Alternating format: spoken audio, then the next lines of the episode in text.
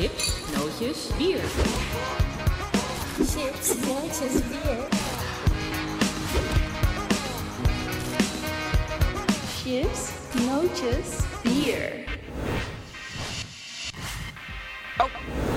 Nog een bumpertje achter. Goedenavond, dames en heren. Lieve kijkers, het is 9 uur en dan opent de enige kroeg in Nederland die wel open mag. De chips, nootjes en bierkroeg. Goed dat u er weer bent, want wat hebben we vanavond weer aan de bar zitten?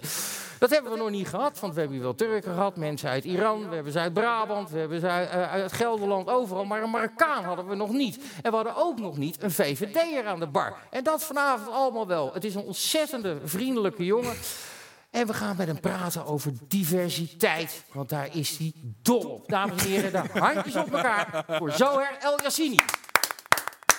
Wat leuk dat je er bent. Leuk om er te zijn. Is het echt, ben ik de eerste Mar- Marokkaan? Je bent de eerste Marokkaan die het aandurft. De eerste die... Nou ja, de enige die voor de rest komt zijn de waarschijnlijk door de veiliger die voor de deur staat, die ons allemaal weigert, of niet? Ja, dat komt, ja, ja, ja, ja. Dat zou, er stond een grote. Ja, daar eh, ga je al, Ja, daar ga je al. Hè. Ja, heb je daar vroeger last van gehad? Zo, heel erg. Ja? Ja, ja, ja. Want je ziet er eigenlijk helemaal niet uit. Ja, die Marokkaan, je hebt ook niet dat accentje. Ja, maar dat komt omdat ik wel wat dikker ben geworden. Dus dan lijk ik wel weer op een John of een, eh, of Ja? een Jan. Maar ik was in mijn tienerjaren, in mijn eh, 18, 19, 20, was ik wat slanker.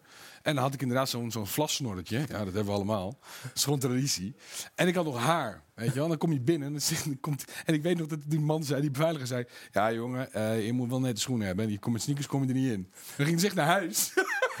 om andere schoenen aan te trekken om er weer terug te komen. Om te horen, ja, heb je je lidmaatschapspas bij je? Ah, dus het duurde even voordat ik ook in de gaten had. dat- ja, zeg, hoe, hoe voel je je daar? ja, het is wel veel verrot. Weet je. je gaat met vrienden, ga je lekker, eh, wil je lekker erop uit. Dan heb je een gemengd groepje met jongens en meisjes. En dan iedereen gaat naar binnen en ze zeggen, yo, jij niet. Ja, Why?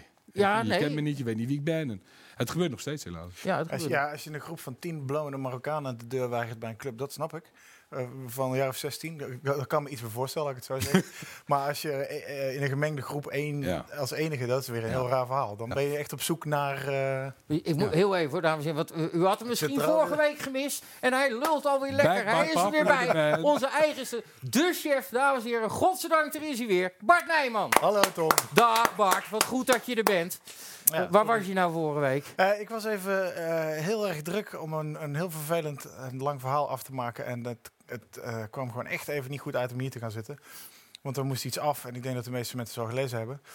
En eh, nou, misschien moeten we het daar ook maar gewoon bij laten. Ja, zullen we het proberen? Ja, of, gaan we nou, we gaan zo meteen heel even kort over Cherry hebben en het referendum als nieuws van de Maar ik dag. was in ieder geval, ja, ik was vorige week afwezig omdat dat verhaal ging echt even voor. En dat moest Ja. echt even rond. En dat was eh, ingewikkeld, ingewikkelde materie. Dus, We hebben eh, ervan genoten. Nee, ja, nee, nee. ja, het was een feest. Nou, nee, het, het was hartstikke gezellig met, eh, met Kees de Kort. Ja, ik ben een ja. keer op jouw plekje gaan zitten. Ja, nee, ja, daar komt ook eens een keer iemand anders aan het woord. En zeker met Kees de Kort heb je geen Ja, praat- ik had niet heel veel te doen. eh. Nee, inderdaad. Dat, eh, nee, dat is goed. Ik heb hem nog thuis gebracht ook. Ik ga heel even kort eh, met, uh, met Zoher praten. Eh, haak gezellig aan, hè Bart? Ja. Komt helemaal goed.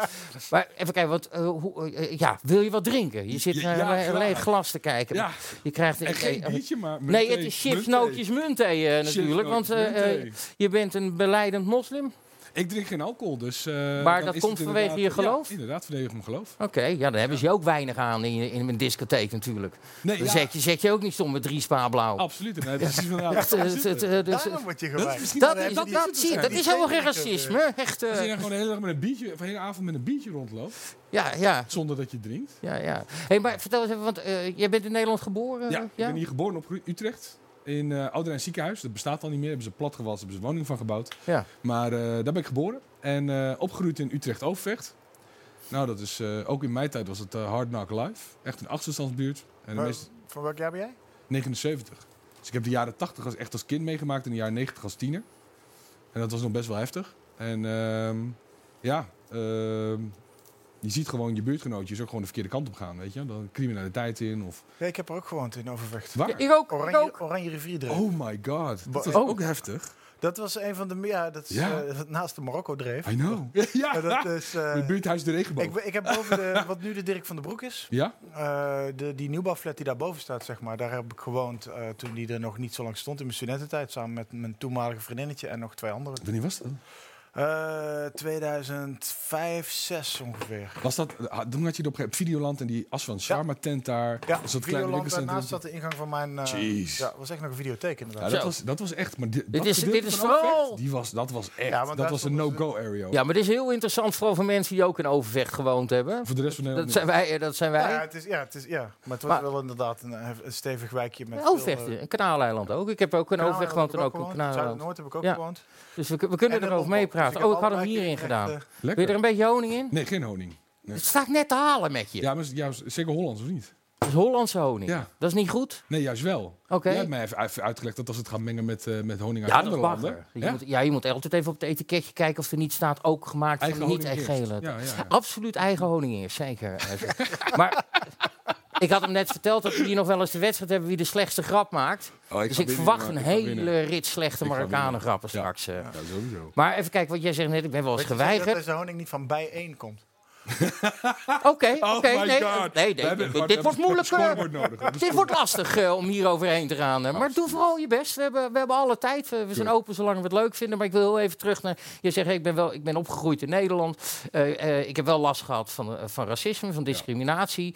Maar als ik jou hoor praten in de Kamer... je ziet twitteren, meedoet aan debatten... dan ben je juist iemand die zegt van... maar voor al die keren dat ik... Hè, dat is een uitspraak van even... elke Ja. keer dat ik ergens gediscrimineerd ben... staan er tien Nederlanders tegenover... die me een kans hebben gegeven. Ben- nou, wij zijn nu- nummer 11. Ik ben nu hier op Ja. deze plek precies vanwege eh, eh, dit in mijn leven. Voor elke persoon die mij heeft gediscrimineerd, mij heeft uitgesloten vanwege mijn afkomst, vanwege mijn geloof, zijn er tien geweest die mij die kans hebben gegeven. Omdat ze zeiden van, joh, ik geloof in je. Niet omdat je van Marokkaanse origine bent of dat je moslim bent, maar omdat je zo bent. Omdat ik je heb leren kennen en dat je een leuke vent bent, er zit potentie in je, dus ik geef je een kans. En dat is wel Nederland. Dat vergeten we vaak. Hè. We horen, als het gaat om discriminatie en identiteitspolitiek, wordt het gekaapt door de flanken. En hard ook.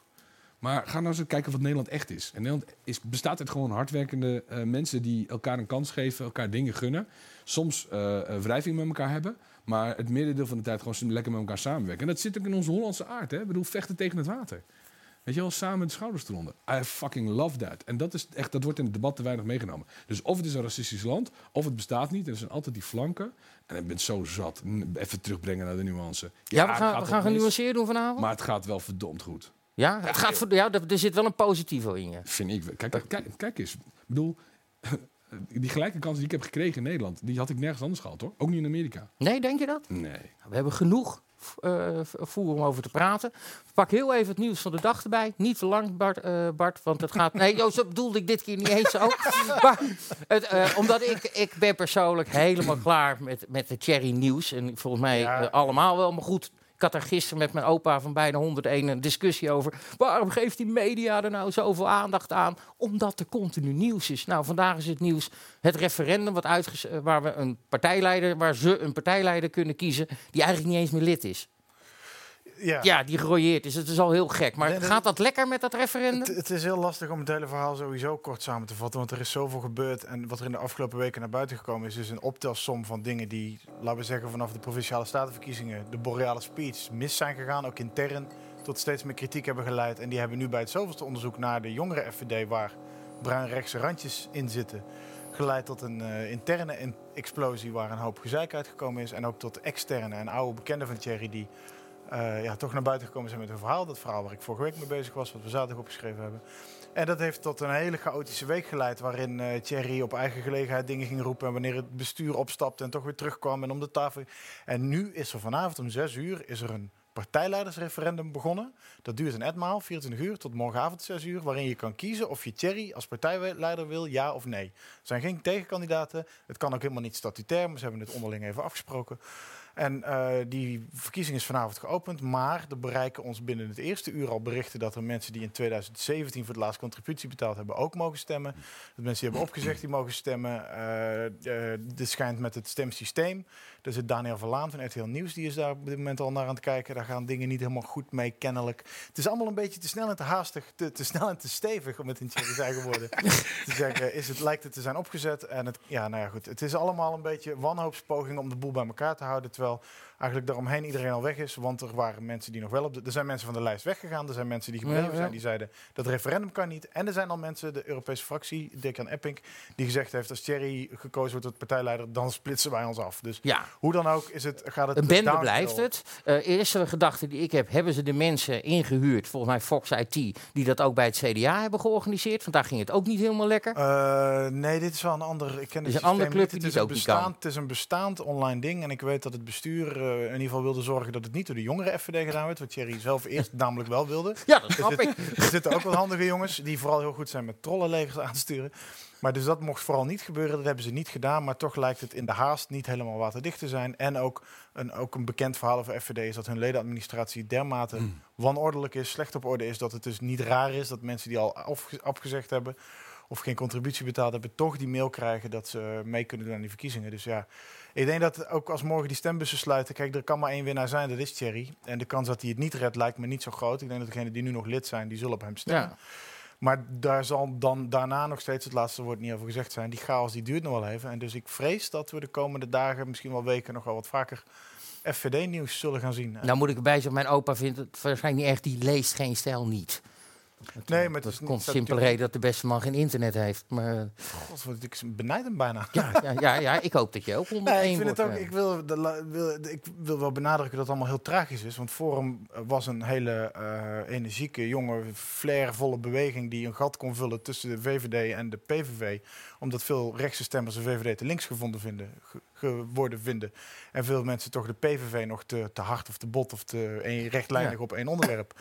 En daar zat Forum perfect tussen met een mooi programma. energieke mensen, eh, jong, fleur. 50.000 leden in Leuk. 40 jaar, in vier jaar. Hartstikke knap Erg gedaan. Heel goed die potentie aangeboord. Alleen na die eh, enorme zege bij de Provinciale Statenverkiezingen 2019 is enerzijds Baudet te veel gaan denken dat iedereen individueel op hem als de Messias gestemd heeft. Terwijl er tegelijkertijd politici moesten worden eh, ingewerkt en Ja. ingesteld die helemaal nooit verwacht hadden dat ze überhaupt zo'n plek zouden krijgen. Omdat ze zo'n landslide eh, overwinning hadden. En die hebben helemaal geen begeleiding gekregen en daardoor is het, nou ja, die hebben zich redelijk gehandhaafd. Alleen in de top ging het allemaal mis. En dan We hebben het uitgebreid eh, kunnen volgen, ook dankzij jou en onze collega's. En dan vraag ik me toch af, zo her, hoe zitten jullie dan in de fractiekamer? Hoe, hoe volgen jullie dat nieuws? Is dat handenwrijvend? Is dat Nee. gniffelend? Iedereen Of ga je nu heel wij- genuanceerd nee, zeggen, nee, nou, nee, nee, jongens, kijk, iedereen denkt dat wij aan het gniffelen zijn en dat we grote bakken popcorn hebben en alles naar Ah. binnen zitten. Dat, dat- chips, nootjes, munt. dus, ja, precies. Maar let even wel, hè. Ik bedoel, Bart zegt het terecht goed. Hè. Niet heel Nederland stemt op de VVD. Gelukkig maar, want anders waren we Noord-Korea geworden. En dan, dat is niet oké. Dus er zitten echt wel mensen tussen die inderdaad tussen VVD en PVV graag hun stem uit willen brengen. Dat is wel nu gewoon de nek omgedraaid. En het bizarre was, ik heb 26 oktober een debat met Thierry gehad, Thierry Baudet. En toen hadden we het over inderdaad die ledenaantallen. En toen kwam die weer dat het allemaal wel goed zat en et cetera. En toen hadden we het erover. Dus, en toen kwam ik op een discussie en toen zei ik op een gegeven moment... ja, maar volgens mij is... Er is helemaal geen Forum voor Democratie, want Thierry Baudet is Forum voor Democratie... en Forum voor Democratie is Thierry Baudet. Ja. En hij knikte in dat debat. Je kan dan nog terugkijken als je naar het debat ja, ja. Waarom is dat zo cruciaal? Forum voor Democratie is echt een politieke partij die vanuit een democratische gedachtegoed op is gebouwd. Met leden, met het bestuur, met allemaal voorstellen. En als je ziet wat er afgelopen week is gebeurd en hoe dat eigenlijk de nek om is gedraaid. Dat is gewoon zonde, want dit is ook een, ten aanzien van de politiek echt waar. Dat is, dat is wat ik Dat er zo is tragisch aan vind. Dat iemand die, die de potentie had om echt, echt iets heel groots Hmm. op te vullen. Wat, waar ik ook gewoon eh, qua ideeën, opvattingen, partijprogramma echt mezelf wel bij kon vinden. Dat is nu mislukt. En eh, of dat lijkt nu te zijn mislukt. En dan zie je een deel van de mensen die zien Thierry echt als bijna als een geestelijk leider. Ja. Die lopen daar eh, vol overtuiging en overgave achteraan. En je ziet heel veel mensen die heel boos en teleurgesteld zijn omdat het mislukt is. En omdat er nu weer for years to come toch weer die associatie met bruin, bruin gedachtegoed, foute mensen, LPF-achtige toestanden, et cetera. Maar, eh, even terugkomen wat je net zei. Mij maak je niet wijs dat er niet gegniffeld en gehighfived is in sommige In ieder geval niet door fracties. mij. Ik weet Oh, niet, ik, bedoel, ik- kijk, ik wil luister, het het is niet voor- per se persoonlijk maken, maar ik weet heus wel dat er, dat er in Haagse wandelgangen ook wel gegniffeld is. En er waren in de week dat het Forum implodeerde, waren belangrijke eh toeslagaffaire, hoorzittingen. En Wiebes, Ascher en eh, meneer Rutte zullen echt wel een keer gehighfived hebben dat heel veel aandacht afgeleid werd van hun belangrijke interviews die daar gehouden zijn. Wat dacht je van de SP?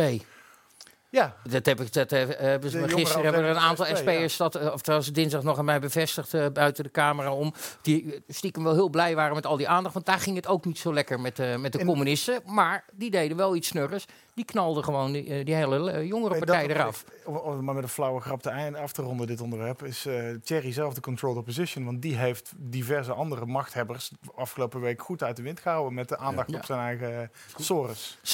Soros. Soros. Soros. Dit, was, Soros. dit was wederom een hele foute, maar toch wel stiekem een hele goede woord, eh, woordspeling. was echt voor me. Ja, nee, die was hij trommelen. Ja. Ja. Ja. Dan was hij, was hij goed. Dan, was, dan telt hij mee. ja. Dan telt hij zeker mee. We gaan eh Thierry afsluiten. Het is niet helemaal, maar voor vanavond. En we gaan eh, het hebben over de VVD, over eh, inclusiviteit, diversiteit. Hè? Maar we gaan het vooral over jou hebben zo, hè. En, ehm, we hebben een tijdje contact. Ik interview jou wel eens, dat is kort. En ehm, ja, je bent een hele leuke man. Dus dan ga ik in Den Haag ga ik even rond. En dan ga ik eens bij je collega's, Oh, nee. een eh, niet-fractiegenoot, even vragen wat ze van je vinden. Het is louter positief. Eh. Er is, ja, nee, verschrikkelijk. Echt, het is echt tenen. Vraag je af wat ik dan eigenlijk ach- achter de hand heb. Ja, eh, dus ik, eh. ik heb er nog wat even doorheen gesneden. Want je bent ook een VVD'er met humor. Ik ken Marokkanen met humor genoeg. VVD'ers met humor bijna niet. Dus dat, dat, dat, dat heb ik er even ingesneden. Je had een keer een hele goede grap. En je eigen voorstelfilmpje van een jaar of vier geleden, geloof ik. ben je er klaar voor? Ik ben er klaar voor. Dames en heren, we gaan even kijken naar instartje 1. De heer El Yassini Ja, op nummer 15. heb ik genoeg nootjes. El Yazini. Plek 15 volgens mij in mijn hoofd. Dit is gewoon een topper. Dat is een prima vent. Ik vind dat hij vooral heel vrolijk optimistisch is. eh, creatief. Denkt een beetje out of the box. Eh, en ook heel betrokken. Hij geeft ook lessen op het mbo. Dus Altijd in voor een grapje en een, eh, en een lolletje. Ja, ja, humor heeft hij zeker. Absoluut. Ja, dat ja. is wel nodig Ja, bij de VVD. zeker. Heb jij zelf nog een goede Marokkanen grap? Oeh, dan moet ik even nadenken. Ehm, ja, misschien over mezelf. Ehm, ik heb altijd gezegd van, joh, ik ben eh, Marokka van Marokkaanse origine en ik ben moslim. En ik ben ook nog eens VVD'er. Dus statistisch gezien had ik al lang in de bak moeten zitten. We hebben ook bier, maar dat drinkt hij niet. Nee, dat klopt. Nee, Ja, wordt muntthee. komt wel hoor. Hij gaat te wel... komen. Ik krijg hem nog wel aan het bier, ja. Je, je neemt hem dan mee moet naar je- carnaval. Ja, nee, ik denk dat we moeten beginnen met iets zoets. Chocolade stonen erin, niet meteen pils. Die is nog even iets met nee, tadels. nee, iets met zoet, eh, zoet bier en dan eh, komt het wel goed. Wat kan hij nog beter doen? Dat is een goede vraag. Eh, ik vind dat hij vooral moet door moet blijven gaan met wat hij nou doet. Ik bedoel, dat heeft hem nu plek 15 opgeleverd. Dat is een goede gast. Dus eh, eh, goed, ik, ik hoop dat ik hem als collega mag houden. Dus dat scheelt. Waar staat u zelf? Ik sta zelf op plek 11. staat op 11 carnavalsnummer. Nee, maar het gaat me om nummer 15. De heer El Yassini. Nou, dat is toch geen reden om weg te lopen? Je hebt, je hebt ergere vragen gehad. ja. Wat kan Zoher nog beter doen? Ja, hij... eh, Wat kan hij nog beter doen? Ja, wellicht eh, zijn haargroei. Misschien dat daar nog eh, iets eh, kan gaan plaatsvinden. Want ja, het ziet er natuurlijk eh, toch wel wat kalend uit, hè? Ja, ja. Da- nou, mag- kalend. Het is kaal. Nee, ik zat, nee, eh, we- nee eh, dat- ik, ik weet, dat weet ik eigenlijk niet zo 1, 2, 3. Dus Ja. in feite eigenlijk zou ik zeggen van datgene wat je onder je kin hebt hangen, zorg dat het ook op je hoofd zit. Dat zit Ja, ja. Dat, dat, Ik ben- het weet compleet geheel. Weet u wat met u is? Het- Ik vraag me echt toe- af en toe echt af of u zelf wel door heeft wat u zegt. Absoluut. Ja? Zeker. Ja, dat is Ja, het zeker. ergste. Ja. Dat, is, dat ja, heel erg. Dat hoort er een beetje bij, hè? Dat kan hij beter doen. Ja, dat bespreek ik meestal wel met hem. Eh, en je hebt nog een instartje nodig, toch? Ja. Geen avondvullend filmpje nu. Nee. Nee, daarom. Zo het even beperken. Nee, wel, hij kan heel goed vertellen. Eh, en en eh, met heel veel eh, ja, theater ook. Dus dat vind ik mooi. Zeker voor iemand van onze partij. Er zijn toch vaak andere partijen die dat meer doen. Zo die met het integratiedebat ge- tegenover Geert stond, vond ik, eh, vond ik mooi. Ehm, ehm, Ja, ik maar soms ook nog wel van wat theatraler. Hoor. Jawel, maar, maar ik, ik vond hem wel echt eh, de kamer vullen. En ik ben meestal iets van het eh, onderkoelde. Eh, maar soms in een in een één op één vergadering, met een fractievergadering, hoeft het ook niet, zeg maar. Kan het ook korter. Dus dat is meer... eh, Daar moet hij even Ja. op letten. ja, dat is wel een klein dingetje. Hoef je niet op te letten. dingetje. Maar ja, Je kan blijven wachten tot iemand wat voor je doet, of je kan besluiten zelf het voortouw te nemen. En ik heb besloten om juist de veranderingen die ik in Nederland wil, eh, om die zelf eh, voor elkaar te boksen. Ik ben Zoer El Yassini. Ja, ik denk toch wel echt Utrecht, waar ik geboren en getogen ben. Ja, dat is thuis. Dat ik als een driejarig jongetje eh, uit het water ren op het strand eh, en eh, een handdoek omgeslagen krijg van mijn moeder. Kapsalon. Jawel, hè? Ja, ja, jongen. Ja, kapsalon, dat eet je graag. Nee, ja. nee, nee, dat valt. Eén keer, één keer in, één keer in de, wat is het? eh, Drie dagen. Nee, dat ook niet. Nee, echt Ja. één keer, in- één keer in het half jaar of zo. Ja, één keer in het half jaar kapsalon. Ja, Ja. ik vind het echt smeren. caloriebom. Ja, het is heerlijk. Ja, nou, maar je, dat je zegt zelf, je ziet het wel, maar... Ja, maar ik ben gestopt met roken. Hè. Dus ik ben met die coronakilo's en nog eens stoppen met roken. Ja, dus er zit echt wel een paar flink wat Ik ga het morgen weer proberen. Maar vanavond Ja. nog even niet. Ja, nee, maar, maar, maar goed.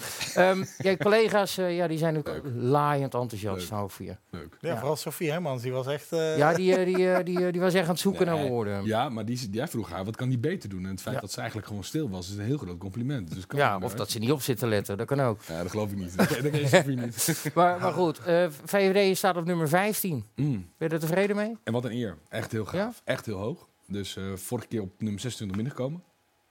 De afgelopen vier jaar lekker mogen knallen en mogen knokken en dingen mogen doen en ruimte gekregen.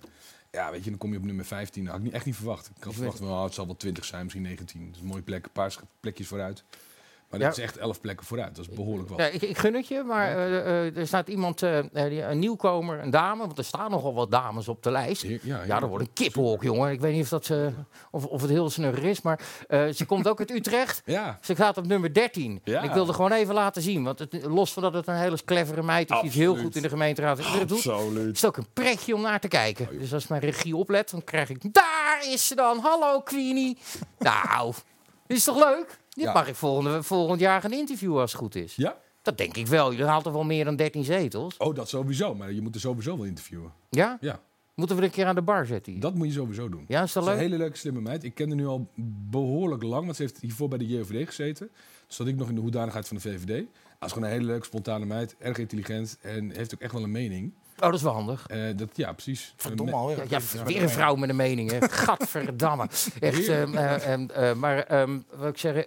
De eerste... Oh, je haalt net de JOVD aan. De eerste reactie van die, veel JOVD'ers was... iedereen met, een, eh, met enige kritische houding naar de VVD... toe is van de lijst afgegooid. nou, Kun je daarin, le- kun je nee, daarin totaal vinden? niet. Nee? Nee. Nee, maar dus ik, snap, ik snap die ook niet helemaal. Nee, waarom Ik niet? kan hem niet plaatsen. Nou ja, eh, als ik dan even kijk naar de mensen die niet op de lijst komen. Geweldige collega's waar ik gaaf mee heb gewerkt. Dat zou dus betekenen dat zij de afgelopen jaren kritiek hebben geuit. eh, en dat ze daardoor van de lijst af zijn of zo. Is dat wat ze dan bedoelen? Dat denk ik. Kan jij eh, vertellen wat voor kritiek het was? Nee, ja, nee, jij Nee, zit er dus ik dikker snap dichter op dan ik. eh, Maar Nee, maar ja. ik kan me wel heel veel kritiek dingen voorstellen. Maar om nou daar het gesprek mee te beginnen... om alles op te noemen van de afgelopen ik ben- tien ik jaar ben- van Mark ik ben een Rutte... van- Ik ben een van, de, een, een van de meest kritische personen ook constant. Ook naar mijn eigen clubje toe. En Ja? dan kom je op plek 15. Oh, daarom vindt Klaas Dijk of dat je te veel lult.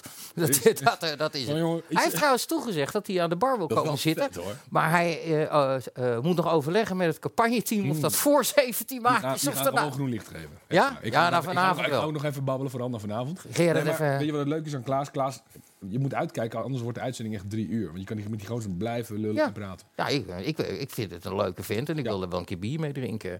Zo, gaan we het eens een beetje gaan hebben over Maar die... eh, Oh, sorry. Nee, wel heel even over die lijst. Eh, Even uitzoomend naar eh, de, de, de, de grote eh, kanonnen zijn wel een beetje weg. Het zijn heel veel, ik bedoel, verjonging is er- ergens goed, maar er is ook een hoop ervaring pleiten. Er zijn de afgelopen tien jaar Rutte zijn er wel wat eh, grote namen zijn gesneuveld, vertrokken, eh, gedwongen weggegaan.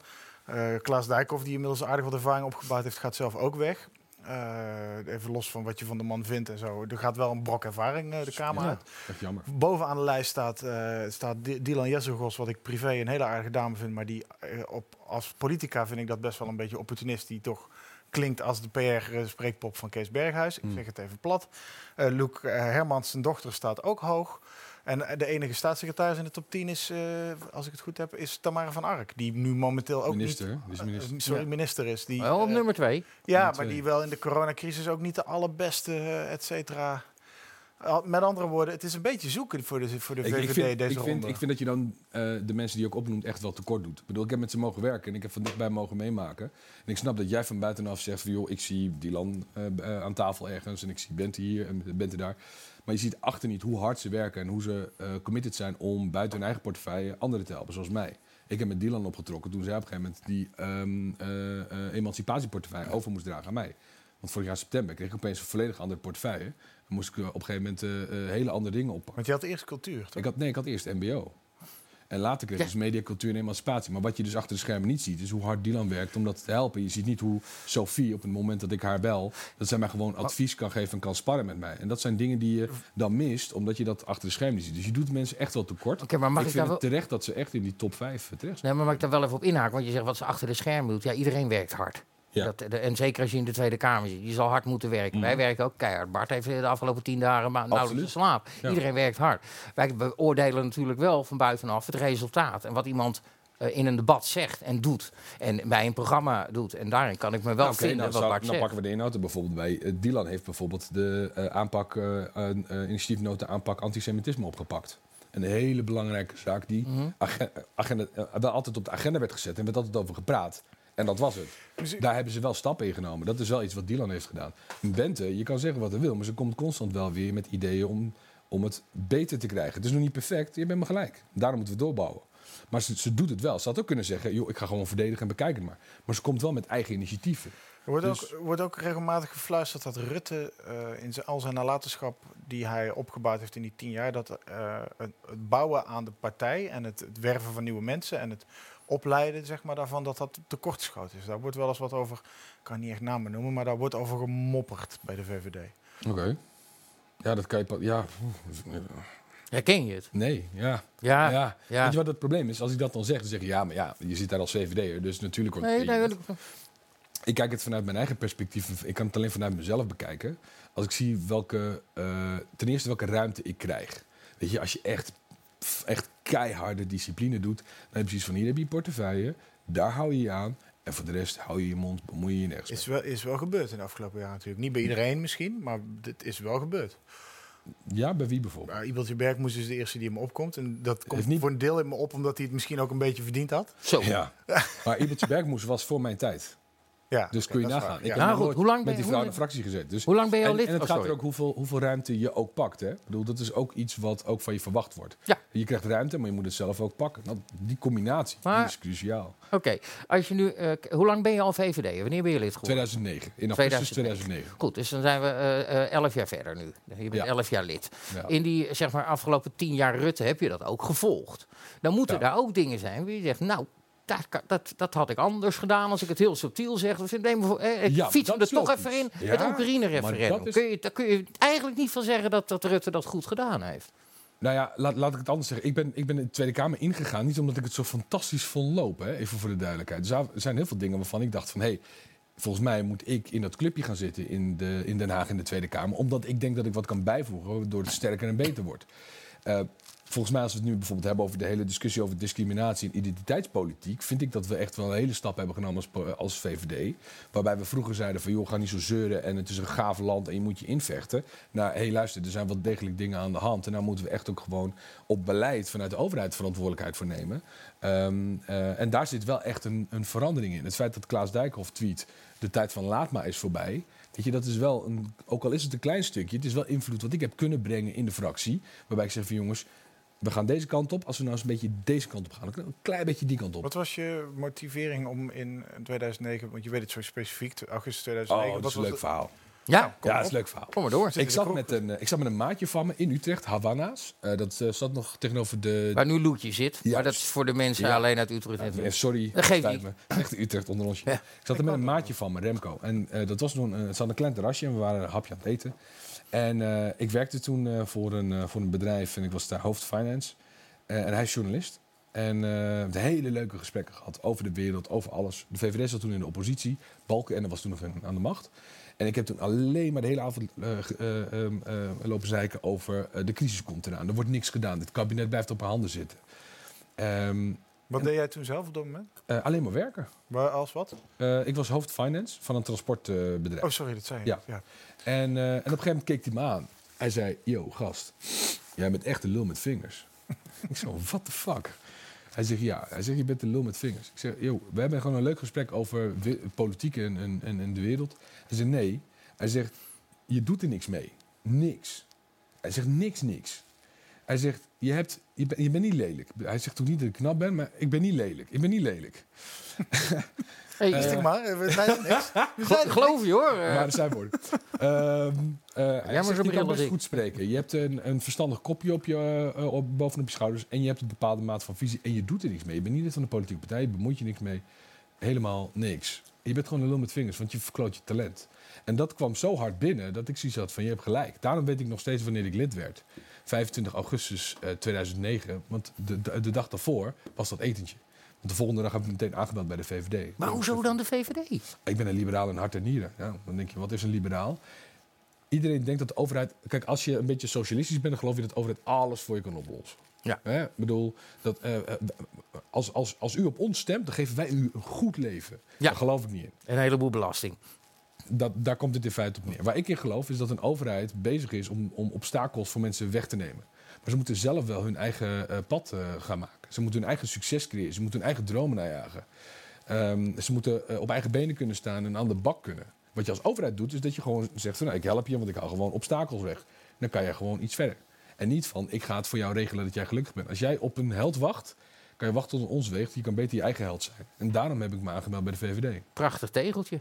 Ja, ik maak wel meer van dat soort nee, tekenen. nee, nee, helemaal goed. Maar goed, je, eh, je, je begon het verhaal te vertellen. Bart, die vroeg het ook terecht. Maar ik, ik zit dan toch nog eventjes gewoon... Er zijn best wel veel dingen gebeurd. Eh, los van, van schandalen in de partij. Maar dan kom ik toch weer op dat Oekraïne-referendum. Dat was natuurlijk ook wel een beetje ons ding. Daar is Ja. gewoon niks met die uitslag gedaan. Hoe, hoe kijk jij daar tegenaan? Had jij dat gevoel ook Ik ben heel blij dat we af zijn van dat raadgevend referendum. Ehm, want persoonlijk vind ik het volgende. Eh, in eerste instantie, je stemt op volksvertegenwoordigers. Dus dat betekent dus Ja, dat de mensen in parlementaire mijn- democratie. Ja, Ja. In mijn, eh, mensen in mijn handen leggen dat ik dan dat Oekraïne-referendum lees. Dat ik dan een besluit neem als parlementariër binnen mijn politieke partij. En dat ik op basis daarvan het kabinet groen licht of rood licht geef.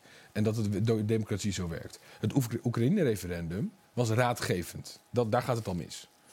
Eh, het tweede punt is, is, waar stemden mensen op? Waren ze tegen het Oekraïne-referendum? Jij en jij hebben het waarschijnlijk heel goed gelezen. Maar ik ken ook heel veel mensen die het überhaupt nog, nog niet hebben gelezen. Alexander Pechtel. Bijvoorbeeld. Jan Roos. Dat vind ik trouwens schandaal. Dat zag ik ook. ik denk van, hoe kan je dat nou als parlementariër tijdens het interview zeggen... ik heb het zelf nog niet gelezen. Dat was En- een, een, een, een out-of-character fout voor Pechtel, Ja. inderdaad. Dat Ja. hij, eh, Ja, dat hij. dat hij. Ja, Ja, hebben we heel vaak me. tegen hem gebruikt. Ja, En terecht trouwens ook. Ik Ik wil- bedoel, wil ook heel maar- even onderbreken. Nee, Ja, want je gaat nu heel erg in op het, eh, de insteek van het Ja. referendum, of dat is. Het ging, het, gaat, het ging ons heel erg in die tijd om het punt. Oké, dat raadgevende referendum, dat is er. Daar Ja. komt een uitslag uit. En daar moet je wat mee doen. Mhm. En dat is niet gebeurd. Nou, ik dacht van wel, want Mark Rutte heeft juist gezegd dat hij daar een, laten we het even noemen, een bijlage achter heeft gezet.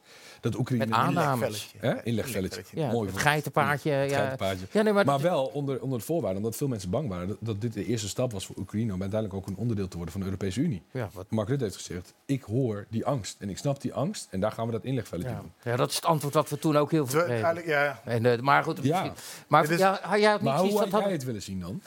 Ik vond het referendum, eh, eh, ik vond het onderwerp daar niet geschikt voor. Ja. Eh, maar eh, feitelijk is er nee gezegd waar, is te- waar is tegen nee gezegd? tegen eh, het handelsverdrag van de Is dat Oekraïne. zo? associatieverdrag. Nee, Ja, is nee, dat maar zo? alles wat. En die dat discussie is heb ik met Kees. Verhoeven, Ja. met Pechtold gehad, maar ook met Maar Rutte dat gehad. is het lastige ook. Ja, Natuurlijk was dat kijk, het Dat lastige. is het lastige. Alleen feitelijk blijft wel dat je dan uiteindelijk dat inlegvelletje gaat baseren op Je aannames. de- dezelfde vraag kun je natuurlijk over die sleepwet eh, en dat bijbehorende referendum eh, doen, zeggen. En daar werd ook met dezelfde cijfers tegengestemd. En dat was vrij duidelijk, want er was een veel betere campagne die veel meer gefocust was Ja. op het onderwerp. Werd Bart, dat ook was wel een campagne. Ik bedoel, het woord sleepwet, of, of het woord sleepwet wat je gebruikt, dat heb je alleen al nodig om gewoon met die woorden te gebruiken dat, ze eigenlijk, dat, Ja, men- dat je mensen overtuigt om te doen wat jij wil, namelijk tegen zo'n sleepwet instemmen. Maar het was geen sleepwet, het was een inlichting Nou, het was voor een deel wel.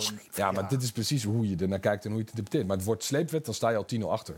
Nou, dat is, Is wel zo, Dat toch? is natuurlijk niet waar. De Kees Verhoeven van D66 heeft het keer op keer op keer op keer sleepwet genoemd. Tot hij van zijn partij als coalitiepartij voor de wet op de inlichting en de veiligheid En toen moest zijn. opeens- En toen mocht hij het ineens geen sleepwet meer noemen. Dus dat vind ik een beetje semantische bullshit om daar dan Maar een dan moet je van Kees te maken. Want het ging bijvoorbeeld- ja, Dan maar- moet je ja, maar mijn punt ging eh, niet over hoe je het ding noemt, maar over dat het de, de campagne voor en tegen en de Ja. informatievoorziening daarover, die was centraal in Nederland, logisch, helder, voor iedereen begrijpelijk. Er was een hogere betrokkenheid dan bij het Oekraïne-referendum. Hogere opkomst ook, omdat het gelijk ging met, Met de landelijke gemeenteraadsverkiezingen. verkiezingen. Ja, waren Met de gemeenteraadsverkiezingen. gemeenteraadsverkiezingen, ja.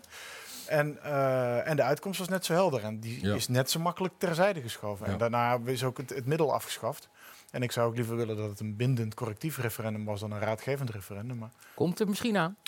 Maar goed, het Oekraïne-referendum, als, je, als we daarin over de mits en maar willen gaan praten, dan zijn we daar nog twee uur over bezig. Laten we dat niet kan Ik, nee, laten we, daar, Laten we, eh, laten we de brug eh, gaan maken naar jouw onderwerpen. Cultuur, media. Als je over, over het falen van de VVD iets wil vragen, dan moet je misschien beter vragen naar de toeslagenaffaire. En vooral over de oplossen, het oplossen van aan het licht gekomen problemen. Dan moet je, dan Mhm. ben ik wel eens benieuwd hoe je daar als VVD naar kijkt. Want dat is toch wel een, een tragische puinhoop waar Ja. mensen echt onder lijden. Ja. En waar, de, waar een partij die zegt dat ze de overheid, zoals jij net zegt, hindernissen weg, obstakels weg willen mijn, halen. mijn hart brak, brak, brak, brak. Toen ik op een gegeven moment die eerste verhalen eh, las en zag eh, over ehm, mensen die in zo'n situatie... Überhaupt, het- was niet eens van wat we nu weten. Hè. Het was helemaal het begin. Dat er op een gegeven moment werd gezegd van er waren mensen die dan op een gegeven moment naast iemand zaten van de Belastingdienst. Die op een gegeven moment zo'n lijst hadden. En dan zagen ze hun eigen naam en dan zouden ze hun etniciteit of hun tweede nationaliteit in de kolom. Als ik dat hoor, stoom komt uit mijn oren. Daarom ben ik zo blij dat er in ieder geval ook gewoon vanuit de VVD is gezegd van nou laten we dat parlementaire onderzoek dan ook gewoon gaan doen. Want daar hebben we ook gewoon voor gestemd. Omdat we willen weten wat is daar gebeurd, wat is daar misgegaan. En dit zijn een van die dingen, ook als eh, jong politicus die net zijn eerste termijn achter de rug heeft. Dit is ook waarom ik zo blij ben dat Pieter Omzicht ook zegt... wij moeten meer controlerend zijn ook naar, de, eh, naar het kabinet, naar de overheid. En niet alleen maar denken, joh, ik zit in de coalitie... dus eh, ik ga het coalitiestandpunt, of het kabinetstandpunt verdedigen... en een beetje achterover hangen, ik vind het allemaal wel prima. Maar dat je soms ook gewoon durft met een gestrekt been in te gaan... omdat iets gewoon niet goed is voor je kiezers... maar ook gewoon voor de waarde waar je voor staat. Als meer coalitiekamerleden zich zouden gedragen en zouden opstellen zoals Pieter Omtzigt dat doet, werd ons land dan beter bestuurd? Eh, niks de nadelen van Pieter hoor. Maar het is ook belangrijk dat je, ehm, dat, je dat je een combinatie hebt met de passie waar je je voor inzet. En tegelijkertijd ook gewoon samen met je collega's optrekt en niet voor de troepen uitloopt. Pieter is een geweldig Kamerlid. Ik ben ook echt heel trots dat hij een onderdeel is van het parlement. Maar je moet uitkijken dat je niet te snel voor de troepen uitloopt. En dat je ook gewoon de rest van de Kamer meeneemt. Want anders dan is het vooral heel erg boos worden en heel erg bezig zijn. Maar uiteindelijk gewoon. ehm, Ik eh, vind- ik vind Pieter niet per se een goed voorbeeld van boos worden. Want hij komt wel steeds met, als hij een emotie Oh, ja. toont, dan komt hij met de onderliggende zijn met bewijs. cijfers en documenten, absoluut. Want, dat, want deze toeslagenaffaire gaat natuurlijk, heeft vooral een hele lange eh, staart gekregen van eh, documenten die met terugwerkende kracht steeds opduiken, waarin steeds duidelijker een beeld ontstaat. En waar hij ze constant heeft opgevraagd. Hè? Ik bedoel, dat dus- is echt ja, heel belangrijk. Dus hij heeft zijn controlerende functie heel goed gedaan. Dat is niet om voor iedereen uit te lopen, maar dat is om een, een verhaal boven water te krijgen, wat gewoon, waarvan we inmiddels weten dat willens en wetens Ja. eronder gehouden werd. Eh, Daar ben ik het mee eens. Maar ik pak natuurlijk het, het hele verhaal. Het is niet de toeslagenaffaire. Ik heb bijvoorbeeld ook met Pieter meegemaakt dat wij... We hadden het Fonds Podiumkunsten. Ging op een gegeven moment geld verdelen voor eh, eh, instellingen in Nederland. En wat bleek? Oost-Nederland had niks gekregen. En Amsterdam had 54 procent. Ja. Dan maak ik me pissig. Wat ik dan doe, is dat ik dan op een gegeven moment meteen direct ook met mijn collega's eh, contact opneem en bel. En zeg, jongens, wat is dit? We moeten even bij elkaar komen, we moeten spreken. En dan zie ik op een gegeven moment in de krant dat op een gegeven moment Pieter zegt van ja, schandalig, dit kan niet en dit moet niet. Terwijl ik denk van ja, Dat herinner ik me inderdaad. maar ik wil het even regelen. En dan gaan we met z'n allen lekker daarna naar de krant. eh, in die volgorde. En, en dus dat bedoel ik met voor de troepen uitlopen. Dat moment had ik het liefst eerder een belletje van Pieter willen hebben. Dat hij zegt, zo hè, ben je net zo pissig als ik dat Oost-Nederland niks krijgt. En dat Amsterdam 54% van die subsidie krijgt. Dan had ik gezegd, ja dat klopt inderdaad. Zullen we samen optrekken? Zullen we het gaan doen? In plaats van dat ik in de krant moet lezen van, eh, joh, eh, Pieter is boos. Oké, ik is het- dat in is wat ik deze- bedoel, dit vind ik- dit- in Dit deze- is wat ik bedoel met voor, voor de troepen In uitlopen. deze vind ik dat een valide Ja. punt. Maar is dat ook niet een beetje de, de tand des tijds? Eh, eh, eh, Ronald Verraak had het er hier laatst in de bar over. Dat de politiek steeds meer via media gespeeld wordt. Ik heb, Is- ik heb dat, dat- stuk ook gezien wat hij heeft geschreven. Toen hij op een gegeven moment ook heeft, had besloten om niet meer een volgende termijn te pakken. En dat is wel het gevaar wat je, wat je hebt. Hè. Dat eh, eh, cognito ergo sum. Hè. Ik denk dus ik besta. Dat het meer wordt van ik tweet of ik ben in de studio dus ik besta. Dat je eigenlijk je politieke bestaansrecht... eh, Steeds eh, meer cognito, cogito ergo soms wordt het. Ja. Zo, soms. hij is op dreef vandaag, eh, mensen. Echt, eh, hier ga je niet meer overheen, Ja, hoor. Dan, Dat, moet- dan moet je wel, dan moet je, dan moet je heel scherp op blijven vanuit eh, als, als politieke partij in zijn totaliteit. Dat je nadenkt van je hebt een team. En dat betekent dus dat je niet kan verwachten dat bijvoorbeeld de keeper of de verdedigers eh, eh, gaan scoren. Eh, dat je daar de spitsen voor hebt. Maar om dat spel op te bouwen, die waterdragers, die heb je politieke partij ook wel nodig. Dus je moet uitkijken dat je niet alleen mensen voorop zet van ja, jij moet in de media komen en je moet zoveel moties hebben ingediend en die moeten zoveel worden aangenomen. Je moet echt kijken naar wat is je toegevoegde waarde van de onderdeel van de fractie of van de politieke Oh, partij. wel oppassen nu hoor. want Ik ga wel bijna een bingo kaart pakken voor al die managementtaal. Ja, het nou is- uitkomt, het is- eh. Ja, ik ben oud manager, dus Maar, maar, ja, nee, maar, ik heb niet maar je, leven gezeten. maar dus je, geeft, je geeft ook les op een VMBO-school, Ja. hoorde ik hem Nee, niet zien MBO-school. zeggen. MBO-school. Oh Eh, dus je staat wel degelijk met, eh, en mediawijsheid. Ja. eh, je staat wel degelijk met, met beide voeten in de, in de samenleving. Hè. Je, eh, eh, je, hebt, je hebt dingen meegemaakt hier als Marokkaan. Dus je, maar ik hoor ook wel, en ik denk dat dat ook wel de afgelopen vier jaar is, dat je, je bent wel meer politicus geworden dan vier jaar geleden, denk ik. Nou, ik, denk, ik heb meer het gevoel. Ik, ik heb hiervoor provinciale staten ge- gedaan. Ik denk dat ik toen meer politicus was dan nu. Ja, oprecht. Ik, ben, ik voel Je- mezelf nu veel relaxter, veel chiller. En Je vertelde net voor de uitzending, ik denk dat ik deze anekdote wel mag vertellen, over het filmpje wat we net instarten, waarin Ja. jij je voorstelde Ja, ja. in 2017. Daar Ja. zit een stijve hark. Het is de een- accountant. die zit op te lezen wat hij moest zeggen. Ja. Bij wijze van spreken. Ja, bedoel, het zijn vast het je eigen opgeschreven, zijn maar je was eigen woorden, maar het eigen een woorden. stramintje waar je aan moest voldoen. En daar zit hier nu iemand tegenover ons die duidelijk wat losser is dan de man die we daar in het filmpje zagen. Absoluut, absoluut. Dus inderdaad, ik heb juist het gevoel dat ik steeds relaxter word. Kijk, ze zeggen heel mooi, het is heel makkelijk om van een mens een politicus te maken. En het is soms bijna onmogelijk om van een politicus een mens te maken. En dat We is weer een tegeltje. Weer, Ja, zeggen? Ja, ja, ja. Oh, Nee, eh, Jullie gaan ze wel ophangen. Ja, ooit, ooit. Hey, Ja, ik maar wil het even- klopt wel. Het ja. klopt wel. Het, is, het is heel moeilijk om eh, los te schudden. En je hebt helemaal gelijk. Hè? Dat filmpje, als je dat terugkijkt, denk je, nou, weet je, dat is weer weet je, 13 in het dozijn, inpak. Echt zo'n typische VVD'er. Die dan even komt vertellen over liberale samenleving, bla bla bla. En het is Klaas Dijkhoff geweest. En het zijn een aantal mensen in de top van de partij geweest. Die hebben gezegd, maar je mag jezelf zijn zo hoor. Je hoeft niet in pak rond te lopen. We hebben juist gekozen omdat, je, omdat we denken dat jij een atypische VVD'er bent. En dat is echt vanaf dat moment en die dag heb ik besloten, ik loop niet meer in pak. En ik kom lekker met mijn spijkerbroek in de plenaire zaal lopen. Wanneer Khadija Ariep de stemmen ehm, oproept om uh, voor of tegen te horen.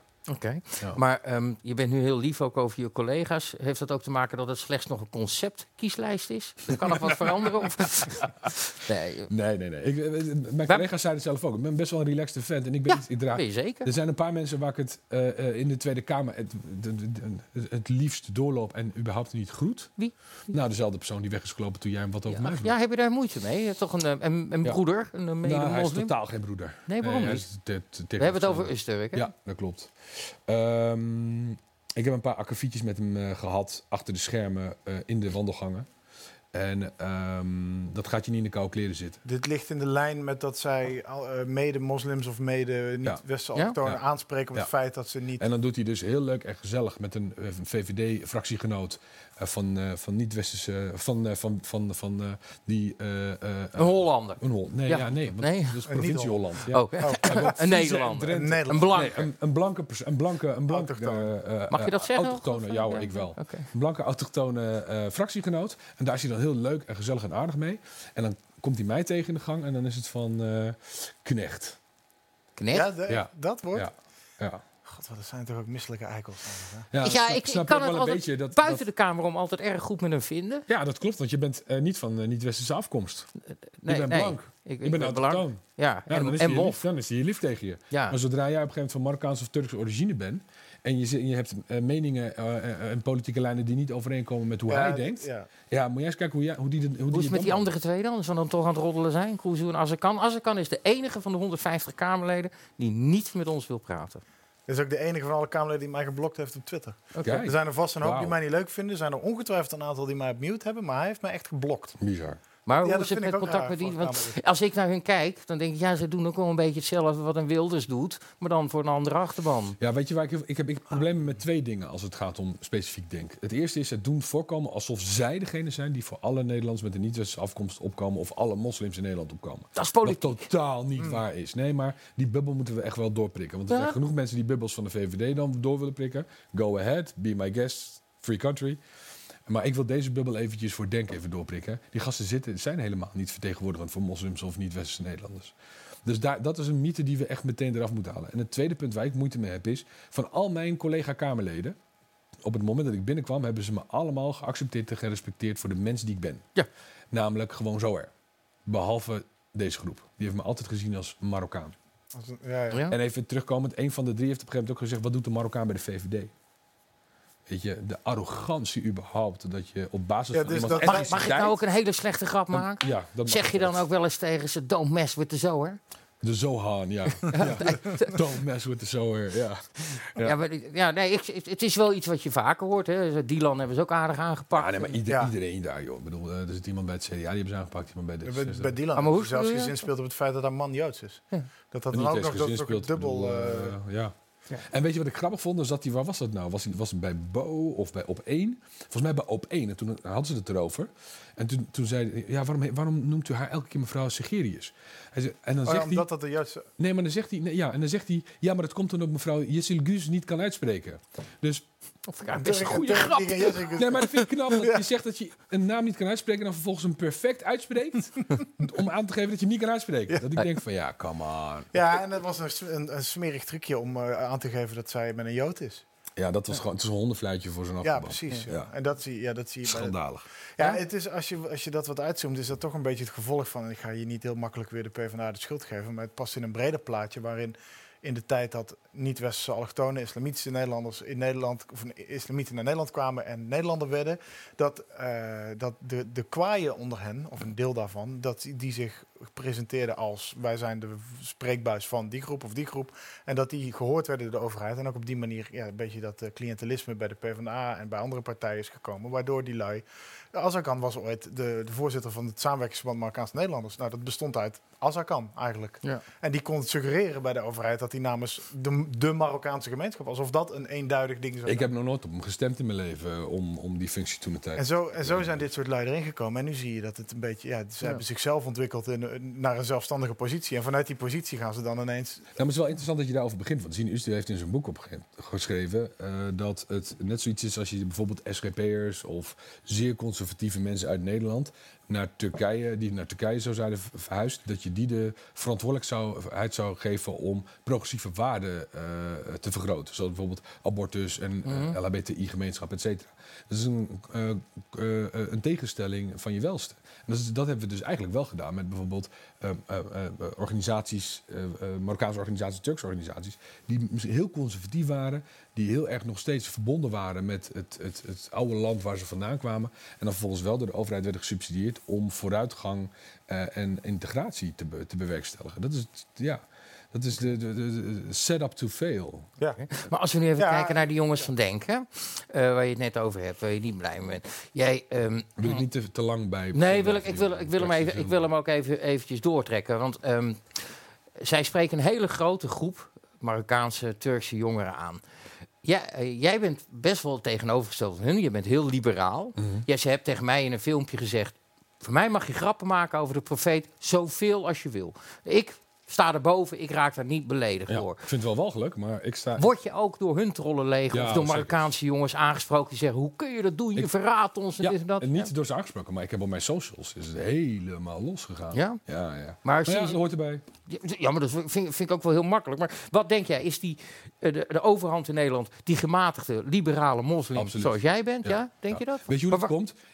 Het, leuke is dat de, de gastlessen die ik gaf voor corona op mbo-scholen... Mhm. daar, zitten, er, er zaten vooral in de steden eh, gewoon hele grote groepen eh, jongens en meisjes in... van bijvoorbeeld Marokkaanse of Turkse komaf, moslim, wel of niet een hoofddoek. En daar hebben we dit soort gesprekken. En als je ziet hoe ze dan zelf over denk, eh, denken... dan als je binnenkomt en je ziet een hele klas met de, alle meisjes bijna eh, dragen een hoofddoek en de, en de jongens zijn allemaal van Marokkaanse of Turkse origine, denk je nou, dit is een klas waarop wie stemmen jullie? Dat ze allemaal hun eh, hand in de lucht eh, steken en zeggen ja, we stemmen op Denk. Dat is dus niet waar. En die snappen Maar waar heel komt goed toch dat die al, partijen al aan heb ik dat gevoel is. toch dat de moeite om de holocaust of homoseksualiteit op scholen te bespreken. Ja. Eh, eh, eh, jij, jij, zegt, ja, dat heb ik helemaal niet Nee, eigenlijk. nee, maar dat heb ik niet gezegd. Ik heb het Nee, over hoe ze oh, dat- stemmen. ja. Maar het feit dat je die dis- discussies en gesprekken aan moet... ehm, ehm, dan merk ik inderdaad dat ze soms van thuis uit dingen meekrijgen... en dan in een klas erin gooien. Maar dat is de taak van een docent. Dat is de taak van mij ook toen als gastlesdocent. om daar doorheen te prikken en te zeggen... jongens, oké, maar laten we nou eens hier even over praten. Ik heb het een keer gehad in Nieuwsport. Er was een theatergroep die had een, had een eh, toneelstuk gemaakt over homoseksualiteit. Met een mbo-klas uit Mondriaan Den Haag. Nou, je, je zag ze schuiven op een stoel, vonden ze heel ongemakkelijk. Want er werd gesproken over homoseksuele gevoelens en lesbische gevoelens. En je zag die jongeren, mm, mm, mm. Gingen we na afloop gingen we dus in gesprek met Kamerleden en die jongeren. En die zeiden, ja, maar het is niet oké, want ons geloof zegt dat dat niet oké is. Dat hoort niet. Dat mogen we niet doen, dat mogen we niet zien, et cetera, et cetera, et cetera. En dan, dan, mijn reactie was, maar wacht even, dit is hypocriet jongens. Want jullie kennen allemaal jongens die eh, voor het huwelijk seks hebben.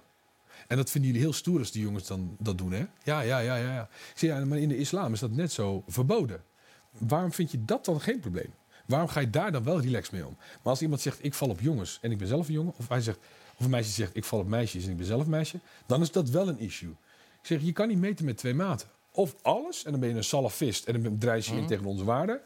Of je gaat er op een hele relaxte, liberale manier mee om, waarbij je zegt van joh, ik wens eh, eh, mezelf dezelfde vrijheden toe die ik een ander toewens. Dus als Maar- ik de vrijheid heb om te geloven, hebben andere mensen de vrijheid om. eh, Die hypocrisie in het geloof, dat zie je in heel veel geloof. Kijk, mijn, eh, mijn Marokkaanse kookdealer uit Overvecht vroeger, die, die gaf me een Koran. Toen dacht ik ook, ja, weet je, ja, maar ja, dat klopt toch ook ik, ik niet? durf te wedden dat hij zelf de Koran heeft gegeven, maar er nog nooit in heeft gelezen. Oh nee, die kon eruit citeren. Nou ja, misschien kleine stukjes omdat hij dat op Koranschool had gehad. Ja, hij Maar schreef kleine stukjes op die, op die envelopjes. Oh, eh. ja, dat is wel heel bizar. Maar jij hebt dus een kookdealer gehad. hè? Oh, is- meer dat is hoor. Dat echt, eh, nou ja, dat is nee, Wie Tom kent is dat echt al lang. echt, eh, nee, daar schaam ik me ook niet voor. Echt, eh, nee, nee. eh, Nee, maar het is, het is raar, want ik heb dat bijvoorbeeld ook weer in die klasse, ook weer in contacten waar ik heb, ook met jongeren. Als ik ze dan dingen vraag over. eh, ik, ik, heb, ik heb me heel, heel erg verdiept in mijn eigen geloof, in de geschiedenis en, en wat daarbij speelt. En als ik ze gewoon normale vragen stel, die elke moslim zou moeten weten, dan weten ze dat niet. En ik geef de schuld aan Google-islam. En dat is het probleem. Het is nou, probleem is dat- Google dan komen we eigenlijk bij een trial by media, zeg maar. Maar dan Nee, Google, nee, nee. trial by Google. Het is eh. niet trial by Google. Het probleem is, en dat zie je nu ook bij bijvoorbeeld eh, eh, Google-virologen, dat door te denken dat je alles kan googlen, dat je dan op een gegeven moment ook gewoon waar- alles ja, weet. ja. En ik zie meisjes die zeggen, ja, wij mogen geen hand geven. Zeg, maar waar haal je dat vandaan? Dat je geen hand mag geven als moslima. Ja, ik heb het gegoogeld en toen kwam ik op een site en er was een persoon en die heeft dan op een gegeven moment een paar boekjes, eh, namen van islamitische boekjes opgegooid en dan de hoofdstukken waar het in stond. En ik denk van, ja, maar Ja, Waarom geloof je iemand die je nog nooit hebt ontmoet, niet kent, niet weet waar hij vandaan komt, dat hij zegt dat jij als moslima geen hand mag geven aan een ander? Ja, Maar dat- dezelfde vraag kun je stellen over gewoon- mensen naar Robert Jensen Ja, kijken. maar, ja, nee, precies. Maar, ja, nee, een hele goede. Maar aan de andere Maar kant, is wel- in, in, in, in de islamitische wereld worden door zoveel verschillende mensen die zichzelf imam noemen, of, of, eh, eh, eh, en, die, en dat, dat, dat toe kunnen worden fatwa's uitgesproken. Eh, voor de een eh, is, is roken haram. Weet je, het, het is, Maar het dat is, is- al. Dat is dus al een grap, hè? Het, als, je, als je zegt dat roken haram is, dat, dan snap je het dus echt letterlijk niet. Want er zijn Nee, drie maar zij categorieën. zeggen weer dat Nee, jij maar- het niet snapt. Nee, want er zijn drie categorieën. Er is halal, haram en makroh. En makroh is gewoon het feit dat het, dat, dat eigenlijk zo van liever niet. Het is niet verstandig. Gedoogbeleid. Ja, Die kende ik nog niet. oorspronkelijke gedoogbeleid. Dat, er zijn er dus drie. Oké. En dat hoor je als moslim te weten. En als mensen dus zwart-wit gaan denken en zeggen halal of haram, dan heb je dus niet genoeg ingelezen in je eigen geloof en je Ja, maar dat is wel een eeuwige discussie die ik altijd met, met, met, met Marokkaanse vrienden heb en met, met, met moslims. Die zeggen, dat wat in de Koran staat, dat is de waarheid. Ja, maar wat- maar ja, wat is iedereen interpre- interpreteert het op een andere manier. En dat is, maar dat krijg ik ze niet uitgelegd. Dan zeg ik, ja, maar hij, eh, het het is een eeuwige En daarom is het gewoon lekker makkelijk om je geloof lekker bij je te houden. Dat ja, doe het ik is iets ook. persoonlijks. Kijk, dit is een mooi voorbeeld. Jullie hebben lekker gewoon twee, twee, eh, twee biertjes erbij. Ja. Jullie drinken is gezellig, hartstikke goed. En ik zit met mijn muntthee. Ja. Dat is hoe het is. Heb dat is nooit een liberale gehad? Hè, ik zal echt tot, tot, tot mijn dood verdedigen dat jij de vrijheid hebt om lekker een biertje te kunnen nemen. Dat vind ik zo belangrijk. Maar ik hoef voor mezelf geen alcohol. Nooit, nooit gehad ook? Ik- Wat je Dan- niet kent, wist je niet. Nee, oké, maar men Dus- zegt ook we, wel. hebben hier, we, hebben hier, we hebben een setdresser die iedere week eh, een paar details aanpast. Om, we hebben nu de, de wekelijkse asielinstroom. 500. Oh ja, 500. Iedere- en Ayaan, en ik maakte nog een opmerking van, nou, ik ben blij dat hij geen Mohammed cartoon gedaan heeft. Want ja, je bent natuurlijk wel een islamitische Marokkaan, maar dat is niet meteen een reden om een Mohammed cartoon neer te zetten. En er zouden redenen kunnen zijn om dat wel te doen, maar in jouw geval leek me dat niet zo heel boeiend. Eh, ik zou, eh, maar jij zou het recht niet verwerpen voor mij om dat te doen, zeg maar. Ik, ga, ik zou het recht verdedigen. Ja, precies. Ik zou echt, ik zou mijn hebben en houden opgeven. Zodat jij de vrijheid houdt om te kunnen. Daar geloof ik in, hè? Dat is voor mij zo cruciaal. Ik bedoel, als je weet waarom mijn vader naar Nederland is gekomen. Heeft, mijn vader was geen economische vluchteling, hè? Mijn vader kwam niet naar Nederland toe om geld te verdienen. Mijn grootvader, die verdiende in Ceuta, toen de tijd, bakken met geld. Dat is het niet. Hij was verpleegkundige. En hij is weggegaan uit Marokko, omdat hij daar op een gegeven moment niet meer kon werken. Een kort verhaal. Hij was geboren en opgegroeid in Ceuta. Dat is een Spaanse kolonie aan het topje van Marokko. En hij was opgeleid als Daar, verpleegkundige. daar waar ze allemaal over het hek klimmen. Precies, daar. daar woont mijn hele familie. Maar die hebben dus allemaal Spaanse nationaliteit al. Dus mijn vader was al in Europa. Dus die hoefde niet naar Europa te komen. Maar hij was verpleegkundige. Dat was zijn passie. Mensen helpen, mensen beter maken, zei hij tegen mij. Hij zegt, dit is mijn zingeving. Ik hou ervan. Hij zegt, want op het moment dat iemand wat mankeert... kan ik helpen om die persoon beter te maken. En hij deed een vaccinatieprogramma net over de grens in Marokko. En dat was een hele lange rij. En dat was natuurlijk te weinig geld. Hassan tweede in die tijd. Dus hij was dan in zijn eentje was hij aan het vaccineren. En dan komt de kolonel. Die komt op een gegeven moment aan en die zegt... joh, luister eh, gast, eh, ik ga voor. Eh, vaccineren, dan kan ik meteen weg. En mijn vader, dus net als ik, kan niet te- tegen onrecht. En die zei, weet je wat jij kan doen? Zie die hele grote rij mensen van een stuk of 150 die daar in de rij staan. Gaan ze allemaal één voor één toestemming vragen of jij hem voor mag kruipen. en als, als je dat lukt, dan ben je de volgende. En anders, achteraan in de rij, dat is je plek. Dat klinkt heel stoer, maar in de tijd van Hassan II was dat een doodvonnis als je dat tegen een kolonel deed. Dus mijn vader had zijn vaccinatie gewoon afgemaakt. Die man was alleen, die kolonel. Dus die is stampvoetend weggelopen. Ehm, en mijn vader is vervolgens heeft hij zijn spullen ingepakt. Is op een gegeven moment naar, terug naar Ceuta gegaan. Dus over de grens op Spaans grondgebied, waar hij woonde. Bij zijn ouders. Eh, en s'avonds, s'nachts werd er geklopt op de deur. En er bleek een van zijn vrienden te zijn, die zelf ook smokkelaar eh, was toen. En die zei, Abdel, ik krijg via via te horen van een aantal kennissen van mij, douaniers... die die dus inderdaad ook gewoon betaalden om te kunnen smokkelen... dat ze naar jou op zoek zijn. Doe mij plezier, want ik hou van je kerel. Ga morgen niet naar je werk in Marokko. Ga niet over de grens. Want zodra je over de grens gaat, pakken ze je op en verdwijn je. En dat was het moment waarbij mijn vader zei van... Ah, fuck it, dan, ga ik dus niet meer, dan kan ik niet meer naar Marokko toe om mijn werk daar te doen. Maar in Ceuta is er niks. Dus weet je, ik, eh, ik ga lekker naar Spanje. Toen is hij naar Spanje gegaan en daar is hij in Barre aan het werk gegaan. Bij een warenhuis, een pakafdeling. En uiteindelijk heeft hij zijn oom bezocht in Nederland. En in Nederland is hij verliefd geworden op dit land. Op de mensen, de mentaliteit, de stiptheid. De, eh, alles is netjes opgeruimd, alles klopt. Weet je, dat manjana, manjana van die Spanjaarden, daar werd hij helemaal gek van. Mijn vader had een hele Nederlandse mentaliteit voor iemand die geboren en opgegroeid was in Spanje. En toen had hij zoiets van, hier wil ik mijn kinderen eh, op laten groeien. En toen is hij in Utrecht is hij, eh, is hij gebleven. En later heeft hij mijn moeder is hij ontmoet in, in Marokko. Heeft hij gezegd van, joh, ik wil in Nederland... Lekker hier naartoe gehaald natuurlijk, ja. Mijn moeder wilde niet. Nee? Mijn moeder wil, nee, mijn moeder had het ook goed. Haar vader was rector van een grote school. Eh, zij, eh, al haar zussen waren ook, eh, hadden ook al gestudeerd. Zij wilde ontwerpster worden daar. En zij had een heel, heel ander plan. En mijn vader zei, joh, maar ik wil in Nederland wonen. Het is zo'n mooi land. Mijn moeder zei, nee, maar ik wil mijn ontwerpcarrière in Marokko gaan starten. Is ze inmiddels En ontwerper? uiteindelijk... Hè? Is ze ontwerpster nu? Eh, ze heeft, dat vind ik heel jammer, dat heeft ze laten vallen. Ze is hoofdsecretaresse van de longafdeling van de Sint-Antonius geworden. Die hebben het ook druk. Ja, was een ambitieuze baan hoor. Ja. Leven ze allebei nog? Mijn vader is overleden. Eh, twee maanden voordat ik in de Tweede Kamer terecht kwam. Oh. Nou, dat was echt balen, joh. Ja. Dus, eh, 7, 7 januari overleden. 2017. ja, dat kwam dan ook wel een beetje door die lange formatie. Nee, Nee, die dat- waren de verkiezingen nog niet geweest. waren Oh, de oh, verkiezingen sorry. Sorry. Ah, Nee, fout. dat nog. Ik, ik probeer ook even Bijna een slechte fout grap. grap. eh, Nee, nee, nee. Maar hij heeft, hij heeft het dus net niet... Maar hij wist wel dat ik op plek 26 stond en dat, we, dat het heel kansrijk was. En was heel trots op me. Dus. Ja, natuurlijk is Maar hij. hij is uiteindelijk aan een... eh, hij is overleden eh, in het ziekenhuis. Hij had een eh, longontsteking en dat heeft eh, hartkwalen veroorzaakt. Weet je wat Sean Connery is overkomen? Die is ook op die manier eh, overleden. Die had, was heel oud. Maar die was Longontsteking. 123, ja. Ja. Ja. Ja. Ehm, ik wil toch even een keer het bruggetje gaan maken. Want ehm, we, Maar, hebben eh, heel... Ik heb nog een hele platte vervolgvraag. Oh, heerlijk. Be- be- ja, een beetje plat misschien in deze Heerlijk. context. Maar draagt jouw moeder in Nederland een hoofddoekje? Ja. Ja, maar dat heeft ze pas gedaan vanaf haar 45ste, 50ste. Ik ken mijn moeder nog van vroeger. Het was een prachtig mooi golvend haar. En echt een korte rok. En het was echt, als je eh, foto's van de jaren 70 ziet, ja, dat was geweldig. Maar ze werd op een gegeven moment steeds ouder. En naarmate Maar ja, Nederland werd, werd ze. En, eh, Ja, precies. En ze dacht, ja, daar ga ik ook mee. Mijn vader had er trouwens een hekel aan. ja? Ja? Zei, Fatima, alsjeblieft, doe die hoofddoek af. Heet ze ook echt Fatima? Ja. Ja. Oh, goud. Echt, eh, echt, dat kan ook niet anders. Heerlijk. Ja, ja, Abdelkader en Fatima. Abdelkader en Fatima. En dan, en dan zo her. Wat, Ja. wat betekent het? Ehm, daar, daar is nog wat discussie over. Het is in ieder geval een, een, eh, een naam van een schrijver geweest waar mijn moeder heel erg dol op was. En ze las heel veel boeken en had één schrijver die heette Zoer nog iets. Ik weet niet meer eh, wie. Ik moet nog een keer opzoeken.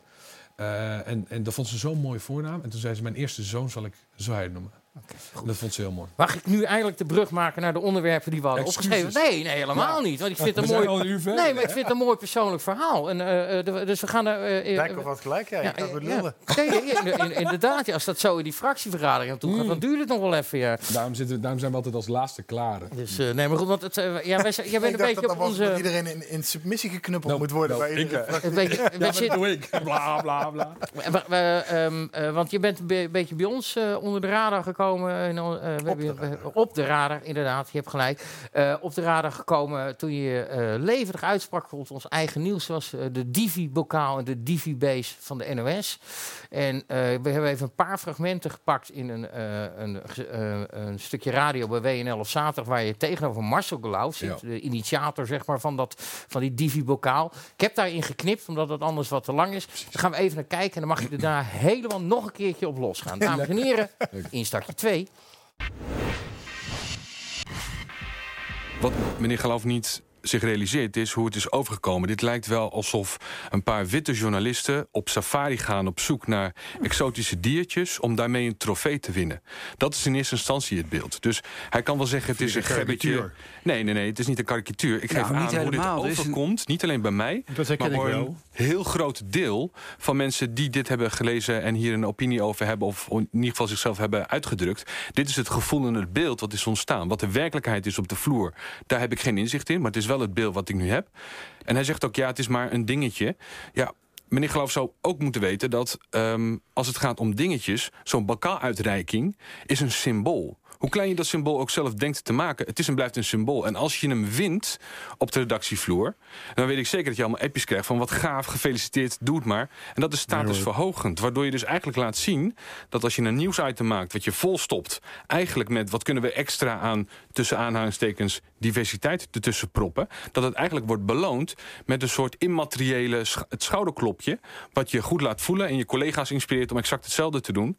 En dat is een glijbaan waar je vanaf gaat. De enige... eh, eh, ehm, ehm, je ik gaat alleen maar naar beneden het- toe. Als je iemand in een achterstandswijk eh, vragen stelt over zijn leven... dan krijg je hele andere antwoorden dan een Nederlander met Mar- Marokkaanse af- afkomst... die eh, eh, een tuin heeft van, van, een, van een paar vierkante kilometer, bij wijze van spreken. Dat zijn totaal verschillende verhalen, want het zijn totaal andere levens. En wat ik het gevoel heb, is in plaats van dat we gaan kijken naar individuen... en daar heeft Arno Grunberg nog op 4 mei wat over gezegd... gaan we kijken naar welke groep pas je.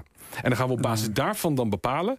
Dat is dan op een gegeven moment diversiteit. Dat is geen diversiteit. Ja, maar u draait- labelen op basis van afkomst en etniciteit. Ja, maar- En het zegt niks over de mindset van een persoon die op dat moment Ja, maar interviewt. u, u negeert eh, het, de kern van het uitgangspunt wat ik probeer neer te zetten. Namelijk dat het begint bij het verhaal en het begint bij het onderwerp. Het begint niet bij etniciteit. Het begint bij het nieuws en hoe je dat nieuws wil maken. Maar uit de uitslagen van de bokaal is wel allemaal etniciteit. Ik zie niet geweldig verhaal in Ja. Drenthe, hè, in Pijzen waar dan iets gebeurt. Daar krijg je geen prijzen voor. Ik heb ook een bij screenshot deze bokaal. met... eh, ja, er is een vrouw Ja, in de is- mannenwereld... eh, die ook nog eens een migratieafkomst heeft. En oh ja, en ze kan ook nog heel vlot praten. Dat, toen ik dat las, en dat is een screenshot... en Ja. ik hou het even in het midden of dat nou gefotoshopt... dat weet je tegenwoordig niet meer. Maar ik ga er even vanuit dat wat ik zie... dat dat in ieder geval de originele communicatie is. Daar schrik ik van. Als ik dan zeg, ja, en ze, is van, ze heeft een migratieachtergrond... en ze kan ook nog Nee, maar daar gaat natuurlijk niet. Ja, ik moest hem eventjes afhakken, want het is nog een lang stuk. Maar ik kan heel veel mensen even aanraden om dit terug te kijken. Ehm, je ging helemaal los. Ja. Het was ook heel triest wat daar gebeurde. Het is een soort positieve discriminatie die helemaal niet positief is. Heb je daarna nog wel eens met Marcel Geloof gesproken? Ja, ja, ja, vaak. vaak. Heeft hij zijn fout nou een beetje toegegeven? Nou, ik ben eh, in eh, afgelopen zomer ben ik eh, zelfs nog een keer bij ze langs geweest om even een goed gesprek te hebben ook van hoe ik er naar kijk en hoe zij er naar keken. En ik heb het ze geprobeerd in ieder geval verder uit te leggen hoe, hoe ik er naar kijk, maar ook heel veel Nederlanders met niet-westerse afkomst die mijn, mijn, mijn mening delen. Ehm, ehm, eh, ja, het, is, het is heel lastig om op een of andere manier in Nederland. ehm, en ik geloof zeker dat hij welwillend is. Hè? Ik bedoel, Ja, nee, dit is de slechte uitkomst van goede bedoelingen. Is wat je hier ziet. Absoluut. Ja. Ja. the road to hell is paved with good intentions. Dit is echt daar een perfect voorbeeld van. En zo zien we het bijvoorbeeld pas geleden nog met een, eh, met een museum dat een filmpje opna, eh, opneemt met balletdansers. En er wordt een Turks-Nederlands Ja, eh, ja. balletdanser. Vandaag nog, nieuws. Ja, Ja. die wordt gewoon aan de kant geschoven. Want je hebt geen zwarte huidskleur. Want we willen diversiteit. Ja, Dus jongens, Turks-Nederland is al niet divers genoeg. Ja, we hadden Ja. Ook, ook een tweetje van jou over diversiteit. Misschien kunnen we die er eventjes bij halen. Nu we het er toch over hebben. Nu wordt het toch, eh, daar is hij. Als je stuurt op gelijke kansen is het gevolg diversiteit. Maar als je stuurt op diversiteit sneuvelen als eerste gelijke kansen. Daarna sneuvelt de waardigheid van mensen door ze te reduceren tot etniciteit of gender. Wanneer gaat links het nou eens een keer leren? Ja. Hashtag betuttelracisme. Betuttel Maak ik hem dan maar af. Maar het- we zijn daarin doorgeslagen. Als jij tegen een jongen met een Turkse achtergrond zegt... jij telt niet mee, eh, want hij- je moet zwarter zijn. Ja. Dat, dan, Je bent niet divers genoeg. je bent niet Ja. divers genoeg. Maar eh, is er überhaupt eh, ergens een, eh, die diversiteit nodig? Dat er dingen toch, hè, dat mensen uit minderheden eh, toch meer aandacht krijgen... omdat ze anders niet... Die diversiteit is er al. Ja? Ja, tuurlijk. Dit, dit land barst toch van de Marokkaanse Nederlanders en de Turkse Maar de Nederlanders vraag, en is de Surinaamse. de vraag is, is dat diversiteit? Dat is de vraag die je moet stellen. Want we hebben het net gehad over Azarkan en ik. Wij delen allebei een Marokkaanse origine. Maar het is gewoon dag en nacht. Ja, ja, Dus, dus onze etniciteit bepaalt niet onze ja, diversiteit. Ja, nee, ja, dat moet ik misschien inderdaad verduidelijken. Want Ik bedoelde niet te zeggen dat Turks-Nederlandse, Turks-Nederlanders, Marokkaans-Nederlanders of Surinaams-Nederlanders automatisch allemaal in, in één hoek Precies. hok passen waar ze allemaal hetzelfde Ja. denken of vinden. Diversiteit zit in het individu en ieder individu is anders. Jij en Azarkan zijn als dag en nacht waarschijnlijk van elkaar. eh. En, en, eh, de een, en, de een, en dat Sylvana eh, zich gedraagt zoals Sylvana is, dat wil niet zeggen dat iedereen met een Surinaams-Nederlandse achtergrond zo hysterisch, want ik vind haar vrij hysterisch, tekeer kan gaan over bepaalde onderwerpen. Er zijn er ook heel veel die kijken naar Zwarte Piet en denken, ja, don't care. Ja. Of ik vind hem zelfs leuk, dat kan ook nog. Ja. Het is niet Nee, dat omdat, ze zwart zijn dat ze, en Surinaam zijn of zwart zijn, dat ze denken van ja, nee, die Zwarte Piet moet zeggen. Dat Maar daar gaat het dus wel allemaal. mis. Hè? Want er zijn dus inderdaad mensen, eh, en even voor het gemak zeg ik links. is niet helemaal fair, want er is ook een club dat heet Vrij Links. En die is daar behoorlijk tegen. En Ja, dat is van. Stal onder andere, Precies. ja. Die, die hebben net zo'n aversie er tegen zoals ik dat heb. Ehm, maar even voor het gemak zeg ik dan even links. Eh, wat ze dan doen, ze zeggen van ja, nee, maar eh, eh, omdat, ze, omdat ze een zwarte huiskleur hebben, hebben ze dingen meegemaakt. Ja, dat klopt wel, maar de manier waarop ze ermee omgaan verschilt van persoon tot persoon. Want geen, geen, geen, geen, de ene zwarte persoon is de andere zwarte persoon niet. Net als dat de ene blanke Nederlander niet de andere Ik blanke denk, ik Nederlander denk oprecht dat, dat een deel van eh, de afkeer van een Jerry Afri en zijn anti-Zwarte Piet ding komt niet van het feit dat hij tegen Zwarte Piet is, maar de manier waarop hij zichzelf als een soort slachtoffer van blanke onderdrukking positioneert op een toon waarvan mensen denken, joh, hou je mel en ga gewoon werken. Het, maar sla ik het ook even heel plat. Ja, ja, dat mag. Banaal, Zit aan de bar. Mensen vinden hem niet een vervelende vent omdat het een zwarte niet-Nederlander is, maar omdat hij Nee. gewoon een beetje als een, als een jankerig slachtoffer loopt, te- loopt te zuigen over iets wat relatief eigenlijk geen probleem is. Waar je, wat je vervelend kan vinden. Als ik een Mohammed-cartoon voor jouw neus hang, dan vind je dat ook niet leuk. Maar Nee. je gaat niet als een klein kind lo- lopen janken Nee. dat je tekort gedaan wordt, dat je wordt onderdrukt en dat je hier niks maakt. Wat zegt dat ook over mij als je dat doet? Eh, wat, als, Wat zegt dat over mij als je dat doet? Als je zo'n cartoon laat zien en ik laat me helemaal kennen door helemaal Oh, los te gaan, helemaal hysterisch, denk je ook van gast. ja, ja, dus ik, ik kan ook. Ik vind, ik vind als ik een vrouw in een burka zie lopen, daar word ik ook niet vrolijk van. Maar ook niet tegen staan schreeuwen. Nee. Ik, ik vind het jammer, omdat ik denk van ja, daar zit daar een stukje onvrijheid onder. En daar, daar gaat iets mis. Daar zit een bepaalde die geloof aanhangen, prima. Maar hier, zit, hier zie ik een extreme uiting daarvan, die niet in het voordeel van die vrouw is. En die vrouw heeft het misschien zelf niet eens door. Ja. Of ze heeft het wel door en ze kan niet anders, wat het Ja. nog veel erger zou maken. Ja. Dus daar word ik dan een beetje droevig van. Maar ik wil wel in een land leven waarin mensen in ieder geval de keus kunnen maken om zo'n. Nou, is Burka misschien een slecht voorbeeld, omdat je nooit zeker weet of de keus gemaakt wordt. Nee. Hoofddoek moet ik misschien zeggen. Ja. Dan, omdat je weet. Ja, bij hoofddoek zie ik het. Kijk, ik, wat ik je zeg, mijn moeder draagt een hoofddoek. En mijn vader had er echt een, een schurftekel aan. Die heeft het ge- gekozen voor zichzelf. Niet vanwege haar eigen vader. Die leefde toen al niet meer. Eh, zij was de, ze is de oudste zus. Eh, dus er is geen druk vanuit mijn moeder gekomen om een hoofddoek te dragen. Ja, joh, als je lekker een hoofddoekje op wil, lekker moet je doen. lekker zelf doen. Zolang je Ja. maar niet zo'n witte punt Ik lijk op mijn eh, vader. Ik, hoef, ik, vind het ook dikke niks. Ja. Maar je moet de vrijheid wel kunnen hebben om dat te kunnen dragen als je dat. Want jouw vrouw kiest er wel voor. Nee. Nee? Wat? Nee. Nee, of komt Nee. daar Jouw vrouw niet? Die Nee. draagt- nee? Nee, die draagt geen hoofddoek. Nee? Nee. En je kinderen? Ik heb geen kinderen. Nee? Bewuste keuze. Wel een Marokkaanse Bewuste vrouw? keus? Of Nee. Marokkaans, Nederlands, Nederlands vrouw? Surinaams Chinees. Surinaams Chinees. Chinees, Surinaams. Nee, die dragen meestal geen hoofddoek. Nee. Het is een mixed, eh, mixed marriage. eh, en, eh, Heerlijk, hè? ja, wat grappig. Ja? Hoe heb je er leren kennen? Via mijn zus. We hebben met mijn zus eh, gestudeerd. En eh, toen leerden we elkaar kennen. Toen hebben we een lange tijd om elkaar heen gewalst. En eh, in 2011 hebben we een relatie gekregen. In 2013 zijn we getrouwd. Wat goed. Wat grappig. Oké, wa- wa- wat leuk. Maar goed, zo'n divi-bokaal. Ja. Eh, ja, eh, heb jij het gevoel dat je wel eens was uitgenodigd vanwege Nou, je geval- achtergrond? Want dat is op zich natuurlijk niet gek. Sorry, wat zei je? Het is niet gek dat je vanwege je islamitische achtergrond of als Marokkaanse achtergrond, eh, v- dat je, daar, dat je voor bepaalde onderwerpen dan gevraagd wordt. Ja, bij de NOS of bij Gewil- NL? Maakt me geen zak uit waar. Maar jij hebt mij toch ook niet uitgenodigd vanwege mijn afkomst? Nee, maar niet vanwege je afkomst. Hey, maar daar wel ik van... twijfel. Nee, nee, nee, nee, maar daar zit, daar zit wel een Iemand combinatie. een. Ik dacht, Nee, nou ja, het- Zonder gekheid, niet, ik ik heb dacht- hem hier staan. Eh, hij wordt straks nog uitgedeeld. ik dacht verdomme, Maar er zijn nog leuke, CDA, of leuke VVD'ers die niet in de partijtop zitten en ook niet als een drone klinken. Dat dacht ik echt een beetje. Oh. Nou, Deze nee, maar- komt er sympathiek over. ik, vond het, ik vind het wel interessant eh, dat jij eh, met je islamitische achtergrond Ja. er een, eh, een andere kijk op dingen hebt dan het meeste wat wij horen. Wij Ja. horen toch heel veel over eh, Marokkaanse jongeren die boos zijn. eh, Ja. Jongens die achter denk aanlopen. Die Ja. pissig worden als je hun profeet wil. Ik heb er honderden voor mijn camera gehad. eh, die agressief worden. en dergelijke. Daar daar zijn heel veel verhalen van. Dus in die zin vind ik het wel interessant om eens een andere kant te horen. Waarvan jij zelf zegt, dat is eigenlijk het Maar je wilt dus weten, dat wou ik net zeggen, je wilt dus weten hoeveel, er, hoeveel Nederlanders met een niet-westerse afkomst denken zoals ik denk. Dat is bizar veel. Alleen Maar je die- zich niet uit te spreken? Nee. Want Ja. we hebben zoiets van, ik wil gewoon mijn leven leiden. Kijk, ik kies Maar ervoor om de politiek in te gaan, om een statement te Ja, maken. en het- de meesten zijn gewoon, echt gewoon Nederlanders die zoiets hebben van, luister, ik heb een prachtig gezin, ik wil hard werken, ik heb een mooie droom voor mezelf, voor mijn vrouw, voor mijn kinderen. En ik ben een, een liberale hart en nieren. En ik wil gewoon mooie dingen voor mijn kinderen kunnen, kunnen kopen, Maar een mooie toekomst. vlak je kunnen- niet een beetje uit dat er ook een hoop moslims in Nederland zullen lopen die niet per se heel praktiserend of heel streng gelovig zijn, maar die ook niet de culturele kring, culturele ring kunnen breken, omdat dat tot hommeles met de familie leidt? Ja, ja, oh, die zijn er ook zeker.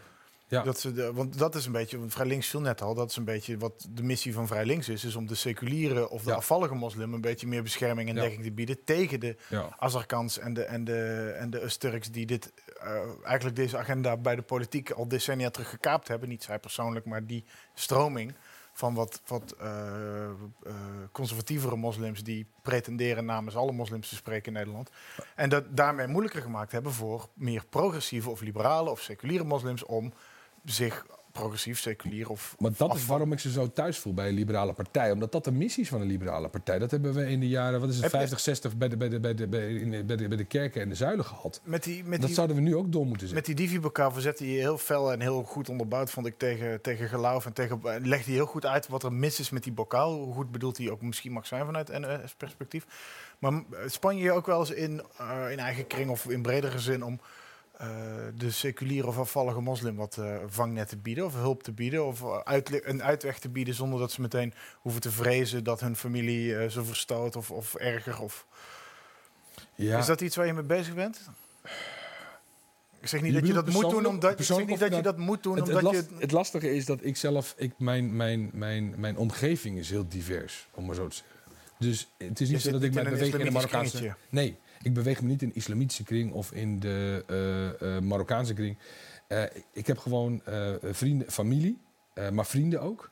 En eh, als je bijvoorbeeld naar mijn eh, bruiloft keek in 2013, was gewoon, had zo een reclame kunnen zijn voor de United Colors of Benetton. Dat is echt bizar. Ik bedoel, alle kleuren van de Ja, allemaal van die kleine aidskindjes en eh, ja, ja, nee, top. Allemaal in smoking. En Ja, klein- ja nee, maar dat was, zo dat, schattig. dat, maar dat was in mijn Nee, jeugd maar- heel veel over te doen hoor. United Colors of Benetton. Nee, maar het is wel, het is wel zo. Dus het, ik heb geen, laat ik het even noemen, leiderschapspositie in bepaalde gemeenschappen om daar als breekijzer te kunnen fungeren. Eh, ik kan wel mijn stem gebruiken in het politieke debat en het maatschappelijk debat. En ook hier bijvoorbeeld, maar ook gewoon ergens anders in de studio. Om hier constant punten van te maken. Dat als jij besluit om niet meer moslim te willen zijn, dan moet je ook die vrijheid hebben en niet toe- te hoeven vrezen voor je leven. En hoe verschrikkelijk is dat? En hoe fucked up is dat? En dat is nog steeds een probleem, hè? Nog steeds, tot de dag van vandaag. Maar ook homoseksualiteit. Ik heb bijvoorbeeld ingezet om juist ook gewoon ehm, eh, jongeren die bijvoorbeeld eh, homoseksueel of lesbisch zijn, die gewoon uit huis worden getrapt.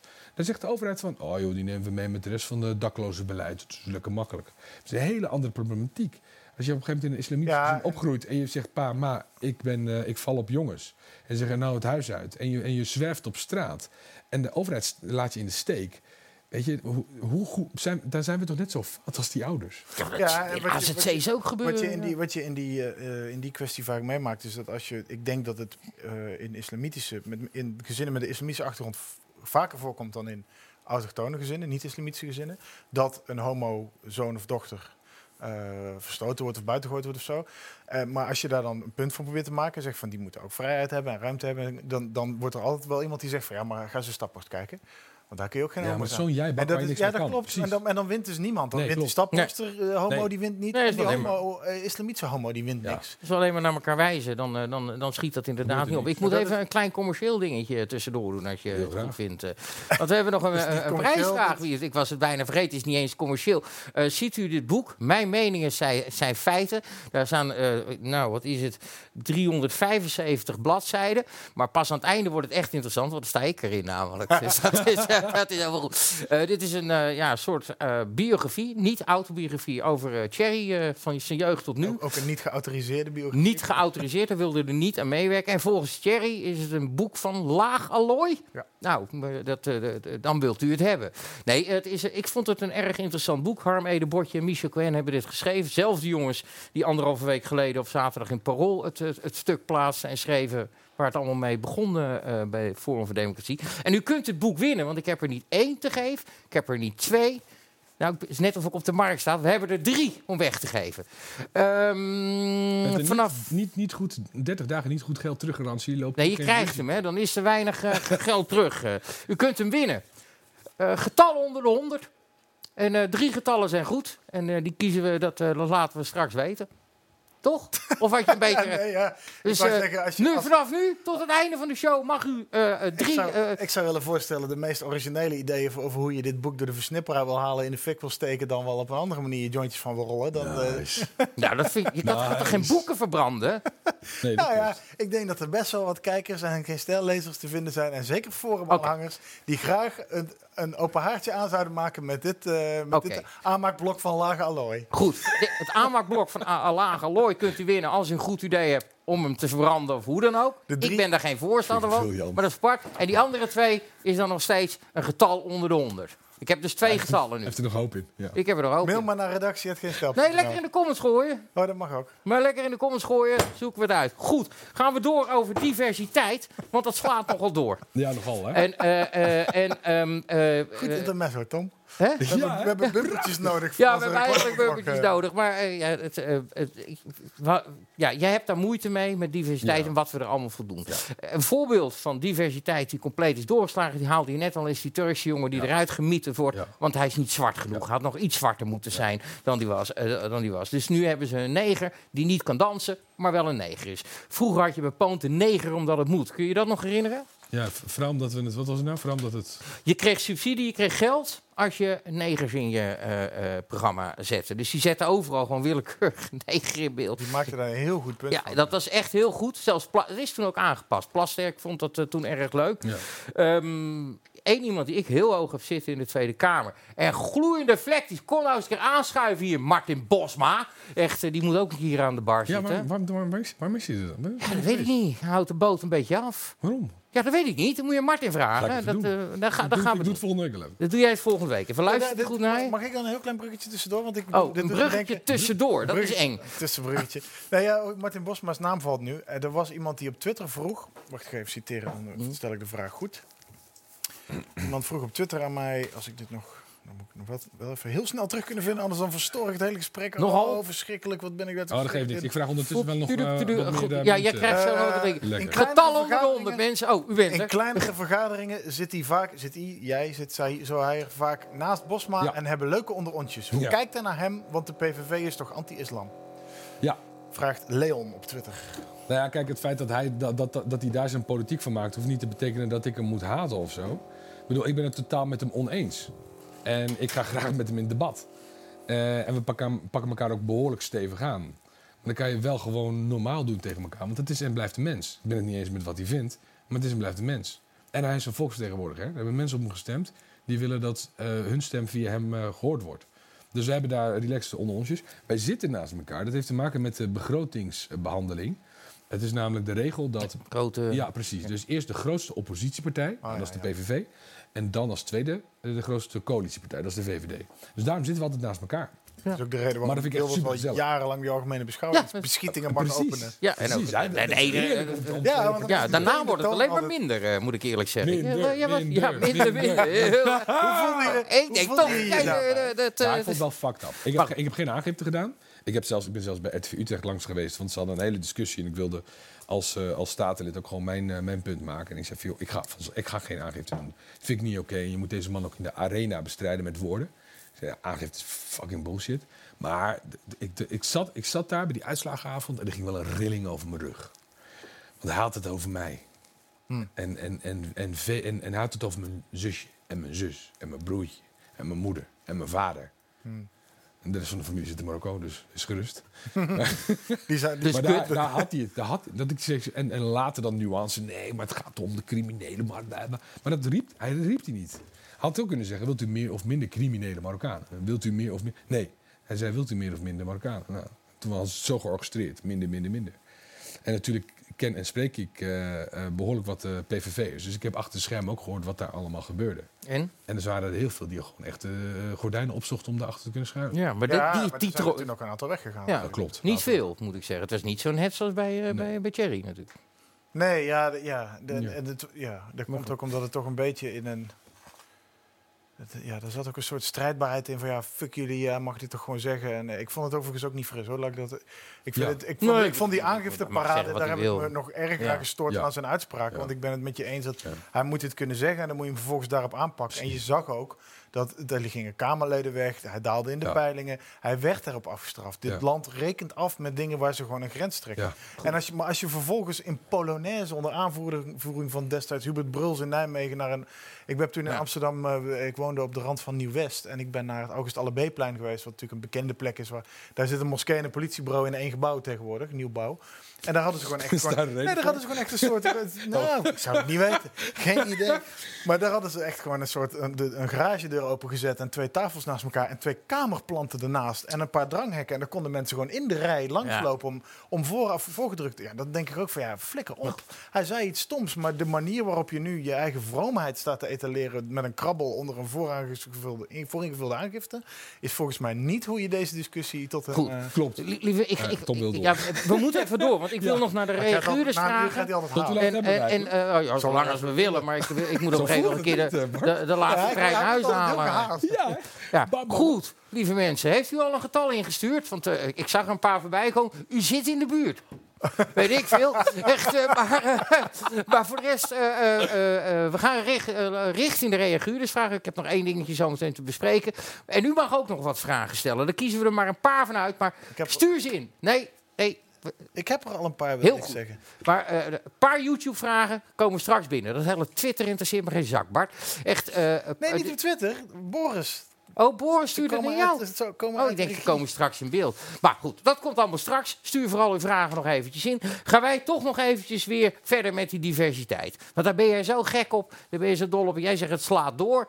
Toen zag ik een, eh, debat van eh, Martin Bosma met eh, mevrouw van Engelshoven. Daar heb ik een stukje uitgepakt. Ik hou namelijk heel erg van zijn manier van schrijven. Men beweert ook dat hij de teksten van Geert Wilders schrijft. Als je dat aan een PVV'er vraagt, wordt dat, wordt dat nooit ontkend of. Dan zitten ze, eh, dan zeggen ze gewoon niks. maar iedereen weet, het is een publiek geheim. En is, het is qua debate en qua is, is die erg geweldig. Ik pak er even een stukje uit eh, eh, waar hij ook terugslaat op een, ja, weer een diversiteitsfaal van je welste over de cultuursubsidies. Ja. In startje 3 alsjeblieft. Elk kunstwerk langs de raciale meetlat. Elk subsidievoorstel telt het aantal zwarten. Chinezen of lichtgetintiers zijn van minder belang. Het gaat om zwarte. Te weinig zwarte, geen subsidie. Jammer bijvoorbeeld voor Ton Koopman, een van werelds meest gerenommeerde Bach-vertolkers. Nee, zijn barokorkest speelt geen werken van zwarte. Er spelen ook geen zwarte mee. Probleem, zijn orkest heeft geen concreet stappenplan, verwijt de subsidiegever. Daarmee bedoelen de linkse racisten dat er onvoldoende plannen zijn om het aantal blanken te verminderen. Culturele instellingen moeten een nulmeting uitvoeren, dus het aantal blanken in kaart brengen om dan te gaan werken aan het verminderen ervan. Je krijgt pas subsidie als je eerst drie verklaringen ondertekent, loyaliteitsverklaringen. Alle kunstsubsidieclubs wordt aangeraden een Chief Diversity Officer in te huren, oftewel een politiek commissaris. Kunst is politiek geworden. De voorzitter van de Raad voor Cultuur is een voormalig voorzitter van de PvdA, Marijke van Hees. De voorzitter van de Amsterdamse Kunstraad is een voormalig voorzitter van de Partij van de Arbeid, Felix Rottenberg. Voorzitter, zijn alle kunstenaars laffe meelopers, scheiterige klerken van de staatsideologie, slappe kontkussers van de macht? Je zou het bijna denken, slechts een enkeling, een eenzame enkeling durft zich uit te spreken. De fluitiste Lucie Horsch, 21 jaar, die de Nederlandse muziekprijs in ontvangst nam van deze cultuurminister. Ze zei toen, als er alleen nog maar diverse kunst mag bestaan, dan is het resultaat juist niet die diversiteit waar zo krampachtig naar wordt gestreefd. Einde citaat. Voor de rest is het stil. Alle kunstenaars marcheren eendrachtig mee en toucheren hun 30 zilverlingen. Ja, de geweldige Martin Bosma. Een Bach-ensemble, barok-ensemble, uh, uh, wat uh, ja, het advies krijgt van twee commissies. Die zeggen, ja, maar ze hebben geen goed plan. Hier, ja, hier, zitten, ze, hier komen geen mensen met een niet-westerse achtergrond, geen gekleurde mensen. Kan dat misschien te maken hebben, heel gek zijn, dat Bach niet repte? Nee. Uh, uh, dat hij niet van de drill raps was en dergelijke. Ja. Dat het misschien, dat hij ook niet van de rituals was en de, de, de, de, de liedjes die werden gezongen op de katoenplantages, ja. weet je. Dat, dat zou natuurlijk kunnen. Maar dan krijgt zo iemand gewoon geen subsidie meer, omdat het simpelweg. Ja, dit dat is, is doorslaan. heel. Nee, maar ja, dit, is, dit is door- doorslaan van diversiteitsdenken. Want kijk, ik ben, ik ben de eerste die opstaat op het moment dat iemand wordt afgewezen of aan de kant wordt gezet vanwege zijn huidskleur, vanwege zijn etniciteit. Ik denk dat we het er zijn allemaal mee eens zijn. Dat geldt voor jullie ook. En dan gaan we echt keihard met een gestrekt been erin. Het probleem is echter, is dat op het moment dat er dan naar een groep wordt gekeken... en er wordt dan gekeken naar de huidskleur, wat ik nogal racistisch vind... maar er wordt gekeken naar de huidskleur en zeggen van... nou, het ziet er wel heel erg, en dan in hun woorden, het ziet er wit uit... Eh, dus dan zal er wel discriminatie zijn. Want dat is namelijk het logische gevolg. Dan sla je door en dan, ben je, dan, sla je de plank volledig mis. En dan krijg je situaties waarbij je subsidie krijgt op basis van de gekleurde kopjes. Ja. En dat is racisme. Heb jij, heb jij mij gezien toen ik losging op dat barometer van de overheid voor het bedrijfsleven? Nee. Heb je dat niet meegekregen? Nee, sorry. Dat eh, ging ook helemaal viral op Twitter. Ik had op een gegeven moment een tweet gegooid. dus Ik word hier zo moe van. Het, de, het kabinet, Wouter Koolmees, wilde een, een wetsvoor, met een wetsvoorstel komen... zodat eh, grote bedrijven via het CBS op konden vragen... wat de etniciteit van de medewerkers eh, waren. Ja, de, de, de, Dat is eigenlijk nog erger dan een Ja. Divi-base. Ja. Ja. Ik ben helemaal losgegaan. Ik zei, dat kan toch niet? Ik heb het letterlijk een omgekeerde Ariërsverklaring genoemd in de Telegraaf. Oké. Ik heb het gemist, joh. Ja, nee, die heb ik even... eh, Omgekeerde Ariërsverklaring heb ik het in de Telegraaf genoemd. Ik was Terwijl we woest. toch echt searches hebben staan op termen als omgekeerde Ariërs. Ja, Ariërs sowieso. Dat is wel, eh, wat anders dan cultuur, eh, of uh, klimaatdrammen. Maar hoe kunnen, maar hoe kunnen, nee, maar, ja, maar hoe kunnen, we, dit nou, kunnen we dit nou doorbreken? Hoe, kun- want we roepen aan heel veel dingen. Hè? Als je kijkt naar eh, de fraudedingen bij de, eh, bij de toeslagen. Maar Mm. met heel veel dingen zeggen we... we moeten meer naar maatwerk toe. Dingen zijn niet zwart-wit. Maar Ja, maar volgens vervolgens gaan we hier- beleid uitvoeren wat alleen maar zwart-wit is. Dit is een goed voorbeeld ervan. Want hoe zwart-wit wil je het hebben? Ik bedoel, je gaat bedrijven de mogelijkheid geven via het Centraal Bureau voor de Statistiek... om letterlijk gewoon de etniciteit en de uitskleuren van je, van je personeel te doorlichten. Het is gewoon echt zo freaking Ziek. fout. Ja. dat is echt ziek. Ja. Maar dat heeft ook wel te maken eh, met eh, ehm, de labbekakkerigheid van een D66, van een GroenLinks. Dat als ze drie, vier mensen schreeuwen, dat zij er achteraan gaan lopen. Weet je, het, het, het- en- dat zie je met meer dingen. Weet je, het voorbeeld wat ik altijd aanhaal van een debat van een half jaar geleden ongeveer met eh, minister Grapperhaus, waar die op een gegeven moment het woord mankracht gebruikt bij politie. ja. Dan komt er een of ander kutje van D66, waar nog nooit iemand van hoorde. Eh, eh, sorry hoor, maar dat kunt u niet meer zeggen. We hebben het hier over menskracht. Weet je wat er gebeurt? Tien minuten later hebben ze het op NOS Teletext aangepast. Dan staat er geen mankracht meer menskracht. Dan ben je toch verdomme de kamer niet ingegaan, Weet je, wat er, weet je wat er gebeurde? ik heb een beetje in mijn mond overgegeven op het moment dat ik dat hoorde. Vond ik Serieus? zo. Gadverdamme. Gadverdamme. Nee, maar dat is, dat is toch niet Waar te maak je je druk om? What the fuck? Hoe heette ze ook weer? Die? Ik Ja, weet het, ik wil het ook niet Monica weten. den Ja, Boer, ja, volgens mij. ja, van deze. Monica den Boer. Ik vind Monica wel een geile naam. Ja, dat mag je dus ook niet meer zeggen. Mag Monica niet meer Je zeggen? mag Monica Nee, niet meer zeggen? Nee, geile naam. Oh, In combinatie met een vrouwenvoornaam. weet je, als een Ik vind vrouw... Als, een geile naam. dat mag je snap wel ik. wel. Maar als- wel. nee, maar Ja, als een naam... dat is dan seksistisch.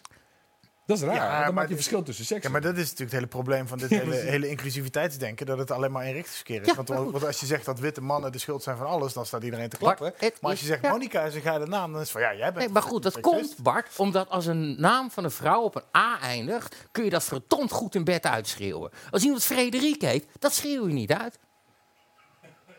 Nee, Ik vind deze theorie, eh, ik ga hier even een nachtje op slapen. ga hier een nachtje over slapen. Zullen we langzaam naar de, naar de, naar de reaguurdersvragen Leuk, gaan, mensen? En dan gaan we daarna als naar je de op deze manier die YouTube-vragen. twee uur wil, dan wordt het natuurlijk. Ik vond dat ik wel een aardig punt had, maar eh, behalve van de techniek eh, had niemand, eh, was niemand het er hier verder mee eens. Ik en vrouwen, dat zal ook nooit wat worden verder, maar goed. Ehm, goed. Van roze, we gaan naar de reaguurders vragen, mensen. Eh, denkt u nog altijd aan eh, hoe u dit boek kapot wil maken? Of een getal tussen 0 en 100? Ja, en ik- hoorde net achter de schermen dat, eh, dat het een beetje onoverzichtelijk werd in de comments. Dus de verzoek is om te mailen op aanmaakblokje.geenstel.nl. En dan kiezen we daar dan een Dan cijfer daar, uit? ja. Ja. Oké. Nou, oké. Eh, eh, u moet mailen naar aanmaakblokje.nl. Wat komt Nee, u doen? aanmaakblokje.geenstel. Kom maar, kom maar, kom maar, loop maar lekker in beeld. Als je het niet doet, nog een keertje mailen, want we hebben hem net aangemaakt. Dus het kan zijn dat de eerste mailtjes nog niet binnenkomen. Aanmaakblokje Daar hadden we even Boris. Boris vindt mijn nieuwe bril niet leuk. Die had het over een rape Oh, glasses, ja. maar dat maakt niet uit. Ehm aanmaakblokje. Wat? Het laatste wat Monica ziet voordat jij die A uitschrijft. Goed. Waar moeten we nou naartoe mailen? Aanmaakblokje at. Aanmaakblokje.geenstel.nl. Het geen- gewoon ons eigen Voor welke titel we hier... Ja, eh, oké. Dus eh, eh, Aanmaakblokje.tvutrecht.nl. Ah, Duik- gewoon duik- aanmaakblokje ad en vult u zelf maar wat in. En eh, het boek eh, wordt eh, persoonlijk door mij naar u toegebracht. Dat denk ik niet, maar goed. Ehm, ja, daar gaan we dan. De reaguurdervraag. Bent u er klaar? Ik ben er klaar. Roze brildrager, zo heet de beste man. Of is, zo noemt hij zichzelf. De eerste man op de lijst. Haha, dat, vond hij, was een grapje van Bart. Maar vier vrouwen in de top vijf is weer gelikte marketing. En geeft ook aan dat de VVD volop meedoet aan de identiteitshype. Hype. Vraag aan Zoer El Yassini, dat bent u. Voel je je nog thuis bij een partij die GroenLinks links inhaalt? Nee, maar jongens, Hij zit al aan de Nou, muntthee. ik vond het Hij wel zit al om aan te de dus munten, daar gaat Nee, maar het ik zat bij op één. Zat ik, die, zat ik Tamara van Ark en, de, en, en die landen en al die mensen. Ik vond het, ik vond het verschrikkelijke Ja, maar weet je waar, EO-TV. dit is wel waar ik dan weer... Dat, weet je, hier heb ik dan weer moeite mee. Weet je, dit zijn gewoon collega's... Dit vind ik echt topcollega's. Als je in, in Den Haag en op het Binnenhof rondloopt... en je zegt, joh, wie zijn nou die toppers van de VVD? Dan komen Tamara, Dylan, Bente en eh, ehm, eh, eh, Sophie... komen meteen direct eh, omhoog borrelen. Dat Ja? is gewoon zo. De Ja. rest is gewoon kut. Ja. ja. die komen op nummer 15. Eh, nee, maar ehm, ze worden constant genoemd. Ja, sorry, en dan maar als je- de als je lijst Thierry- ja, maar, Maar het is- vrouwen en het is weer identiteitspolitiek. Ja, luister, sorry hoor, maar... Is, de het, is lijst dat gewoon- marketing of niet? nee. Want gelikte marketing Ja, kan dus marketing. veroorzaken dat ze altijd naar de- boven. De, post-it is ook per ongeluk uitgevonden, want ze wilden eigenlijk iets hebben wat goed plakte. Dat plakte niet goed en vervolgens werd het een post-itje en dat is ook goed verkocht. Wat heeft dat dan weer met, met vijf vrouwen te maken? Dat heeft te maken met het feit dat die, vijf, die vier vrouwen in de top vijf... dat zijn gewoon eh, vier hartstikke goede politici, eh, politici. En die komen op de lijst. Ja, het zijn toevallig vrouwen. Maar daar wordt nou weer een ding Daar van geloof gemaakt ik dus helemaal niks van. Sorry hoor. Nee, maar dat is natuurlijk... Tuurlijk wie- staat Oké, maar dan, ja, mijn vraag aan jullie. Ja. Wie had dan in de top 10 moeten staan? Jij? Nee joh. Nee. Nee joh, echt niet. Maar Klaas, is- die had ik. Maar ja, die Maar wil Klaas weg. wil niet door. En Nee, jullie maar weer. kom nee, maar op. Je dan kan- gaan jullie uitdagen. Want jullie, jullie zeggen van ja, nee, maar die eerste. Oké, wie, dan, wie, wie, wie had op nummer Nou, wie, wie, wie wie, had op nummer wie- 2 eh, moeten komen? wat, ik, wat ik een, een ge- een geschikte man vind is Koerhuis. Koerhuis, hoe zeg je dat? Eh, slager. En die zou je, die zou je als running mate van Mark Rutte willen introduceren. Eh, nee, wie zou ook als running mate van Mark Rutte? Daar heb je inderdaad een goeie. Geen van die vier vrouwen in ieder geval. Waarom hebben we ineens running mates tegenwoordig? Dat snap ik ook niet. Is een, is een, dat is wel een goede marketing. Dat is wel goede marketing. Dat, nou, dat- nee, want het heeft, heeft het heeft bij. Hugo de Jonge niet heel goed gewerkt om, om af, om, om zich tot iemand zijn running mate uit te roepen. Dat is niet Nee, Nou dat was- nee, maar in ieder geval kijk, dat Hugo ik ken aan het rennen is. Dus dat Ik ken jullie partij ook eh, minder. Ik bedoel, in Ja, Erik Zien zie ik het ook niet doen, weet Maar ook je. Erik stopt er zelf mee vanuit zichzelf. Nee, maar dit is, dit is echt dit is wat ik er tegenover gooi. Zien ik vind het geweldige eh, politici. Die erin staan. Maar als jullie vinden dat er... Noem ze dan maar op, zeg maar. Wie op Ja, maar je kan me, één, nee, maar je nummer kan me niet vijf. wijsmaken dat als je van de, eh, van de top 5 vier vrouwen zijn, dat daar niet een gedachte achter zit. Nee, ik vond het echt... Ik zag die lijst en ik denk, nou, dat is Ja, totaal niet ik eh, een verrassing. Ik, ga- nee, ik ga toch een beetje... Ik weet niet of die Ja, maar kijk vrouwen ook even naar de jongens. Kijk ook even naar de portefeuilles die de dames hebben. Het is niet niks, hè? Nee, nee, nee. Eh, Dit is een reden waarom ze ook die portefeuille hebben. Want ze zijn ook gewoon echt goed. Ja, het is de- kijk, als jij zou zeggen, er zit een top 5 en in die top 5 zitten vier vrouwen en, die, en de een heeft kokkelvisserij, eh, de ander die heeft schuldhulpsanering, niet, weet je wel. Nog één heeft, uh, noem eens een portefeuille die... Schuldhulpsanering. Milieu. Dat- dat- milieu, ja, nou ja, milieu Ja, is dat wel is wel weer belangrijk. belangrijk tegenwoordig. Ja, ja, ja, Dat was vijf jaar geleden ook niet zo, hoor. Schuld- Maar, als je, maar bij, mijn, mijn point is, als je een top, een top 5 hebt waarbij vier vrouwen in zitten, vervolgens als je gaat kijken van wat ze hebben gedaan en welke portefeuille ze hebben, en je denkt van ja, pff, slap af, maar die zijn er ingestopt omdat ze vrouw zijn, dan snap ik dat je zegt, nee, dat is identiteitspolitiek. Ja, maar dat gevoel maar je doet wel. ze echt tekort als je die vier vrouwen, in mijn ogen echt gewoon toppolitici, die gewoon de volgende generatie VVD'ers gaan worden, mark my words, dat je die heel makkelijk afserveert Dus- van dus dat is een de- marketingplan. Dus de strategie is dat de VVD eerst een miljoen mensen onder de armoedegrens helpt. Dan de drempel voor de, rechts, dan de rempel- drempel voor de rechtstoegang verhoogt. En dan degene die daar de schuldhulpverlening moet doen op de hoger beleid. Nee, nou snap ik hem. Nee, nou maar- heb ik hem. Kijk, we hebben natuurlijk altijd gedacht, tot een paar maanden geleden, dat Dijkkie het ging doen. Ik ook. Ja. Ik vind het zo En die viel- fucked up jammer dat hij, dat hij ermee stopt. Dat- ik ik, ga- snap het wel, maar ik vind het zo jammer. Echt waar, hij is one of, in mijn ogen one of the good guys. Hij is degene geweest die ook gewoon echt een aantal dingen die wij van Is hij vroeger... niet een beetje cocky geworden in zijn laatste twee jaar? Vind je? Ik, vind hem, ik, ik denk dat Dijkhoff oprecht een aardige vent is. Een leuke kerel. Maar hij, hij komt Mede-Brabander. Vind ik. Ja. Is toch, ja, Ook- is ook een klein stukje identiteit. PSV-fan. Een klein stukje identiteitspolitiek. Ja. Hij heeft ook geen verstand van kleding, net als ik. Hij, zit er ook al, hij loopt er ook altijd een clown bij. Hij doet, hij doet wel alsof hij er verstand van heeft. Jou interesseert maar het hij, gewoon heeft- niet. hij had een soort cockiness. Dat hij, ik wil, de- de- hij had toen met dat wachtgeld. Hij kreeg iedereen over zich heen omdat hij dat wachtgeld cashte. Omdat hij drie dagen eh, iemand die weer eens opgerold moest worden bij de VVD omdat hij iets verkeerd gedaan had. Even, zeg het weer even plat. Die verving hij een paar dagen. Toen ging hij terug in de kamer. Streek wel dat wachtgeld op. Kreeg een hoop gezeik. Ik weet nog, Ah, dat, ja, hij toen, iets ik weet nog dat hij toen die roltrap Ja, ja. afkwam. En de, de hele Nederlandse pers stond verzameld onderaan die roltrap. Hij was helemaal schrap gezet om zich te verdedigen, om dat uit te leggen. En Tom staat vooraan met die microfoon en zegt... Held, gewoon dat geld houden. En die duwt die microfoon onder zijn neus. En Klaas die stond Maar- echt die stond te kijken. Kut, deze zag ik niet aankomen. Dat is mooi, want wat gebeurt er? We staan daar weer ouderwets. Met z'n allen staan we daar om eh, op die, bij die roltrap te wachten. En ik had al zo geen zin in die dag. Maar feitelijk, feitelijk had hij niks misdaan. Want het, het mocht van de wet. Ja, de dus hij manier komt die roltrap af. En ik zie mijn collega's aan. Die staan allemaal in de, in, de, eh, in de aanslag. En ik denk, ja, maar daar heb ik geen zin om op te wachten. Dus ik begin, terwijl hij op die roltrap staat, begin ik af te En het vragen stellen begint in 5, 4, 3, 2. En je ziet de rest kijken, wat gebeurt er? Wap! Wat ben jij een motherfucking held? Dat meen ik niet. Want ik vind die hele wachtgeldregeling vind ik bagger. Maar dat hij dat geheel zo eh, stond te verdedigen, dat vond ik mooi. Hij werd voor mij een loser toen hij twee eh, week later het alsnog wilde gaan teruggeven. Ja, kom on, weet je, doe En ik het. vond hem dus te cocky, omdat hij te makkelijk zei... daar heb ik gewoon recht op. Ja, kom aan, dude. Het is niet dat je niet genoeg verdient als Kamerlid of zo. Heb je het echt nodig? Ik, bedoel, ik weet dat je net een ander huis gekocht hebt en dat er flink verbouwd is. En dat er een nieuwe Kia Niro voor de deur gezet moest worden. Want daar had hij ook nog een mooie foto van. Oh, echt waar? Met zijn dealer op LinkedIn gezet. Hij volgt hem wel, hè? Ja, Ja, nee, het de is een dealer- geweldige De dealer was een vriend van hem en die heeft op LinkedIn een foto geplaatst met een Kia Niro met een grote rode strik erop en Klaas ernaast zo. Ik denk, ja, heeft hij hem cadeau gekregen? Is hij dan lobby? Dus wij maakten daarvan een Klaas lobbyt voor, et cetera.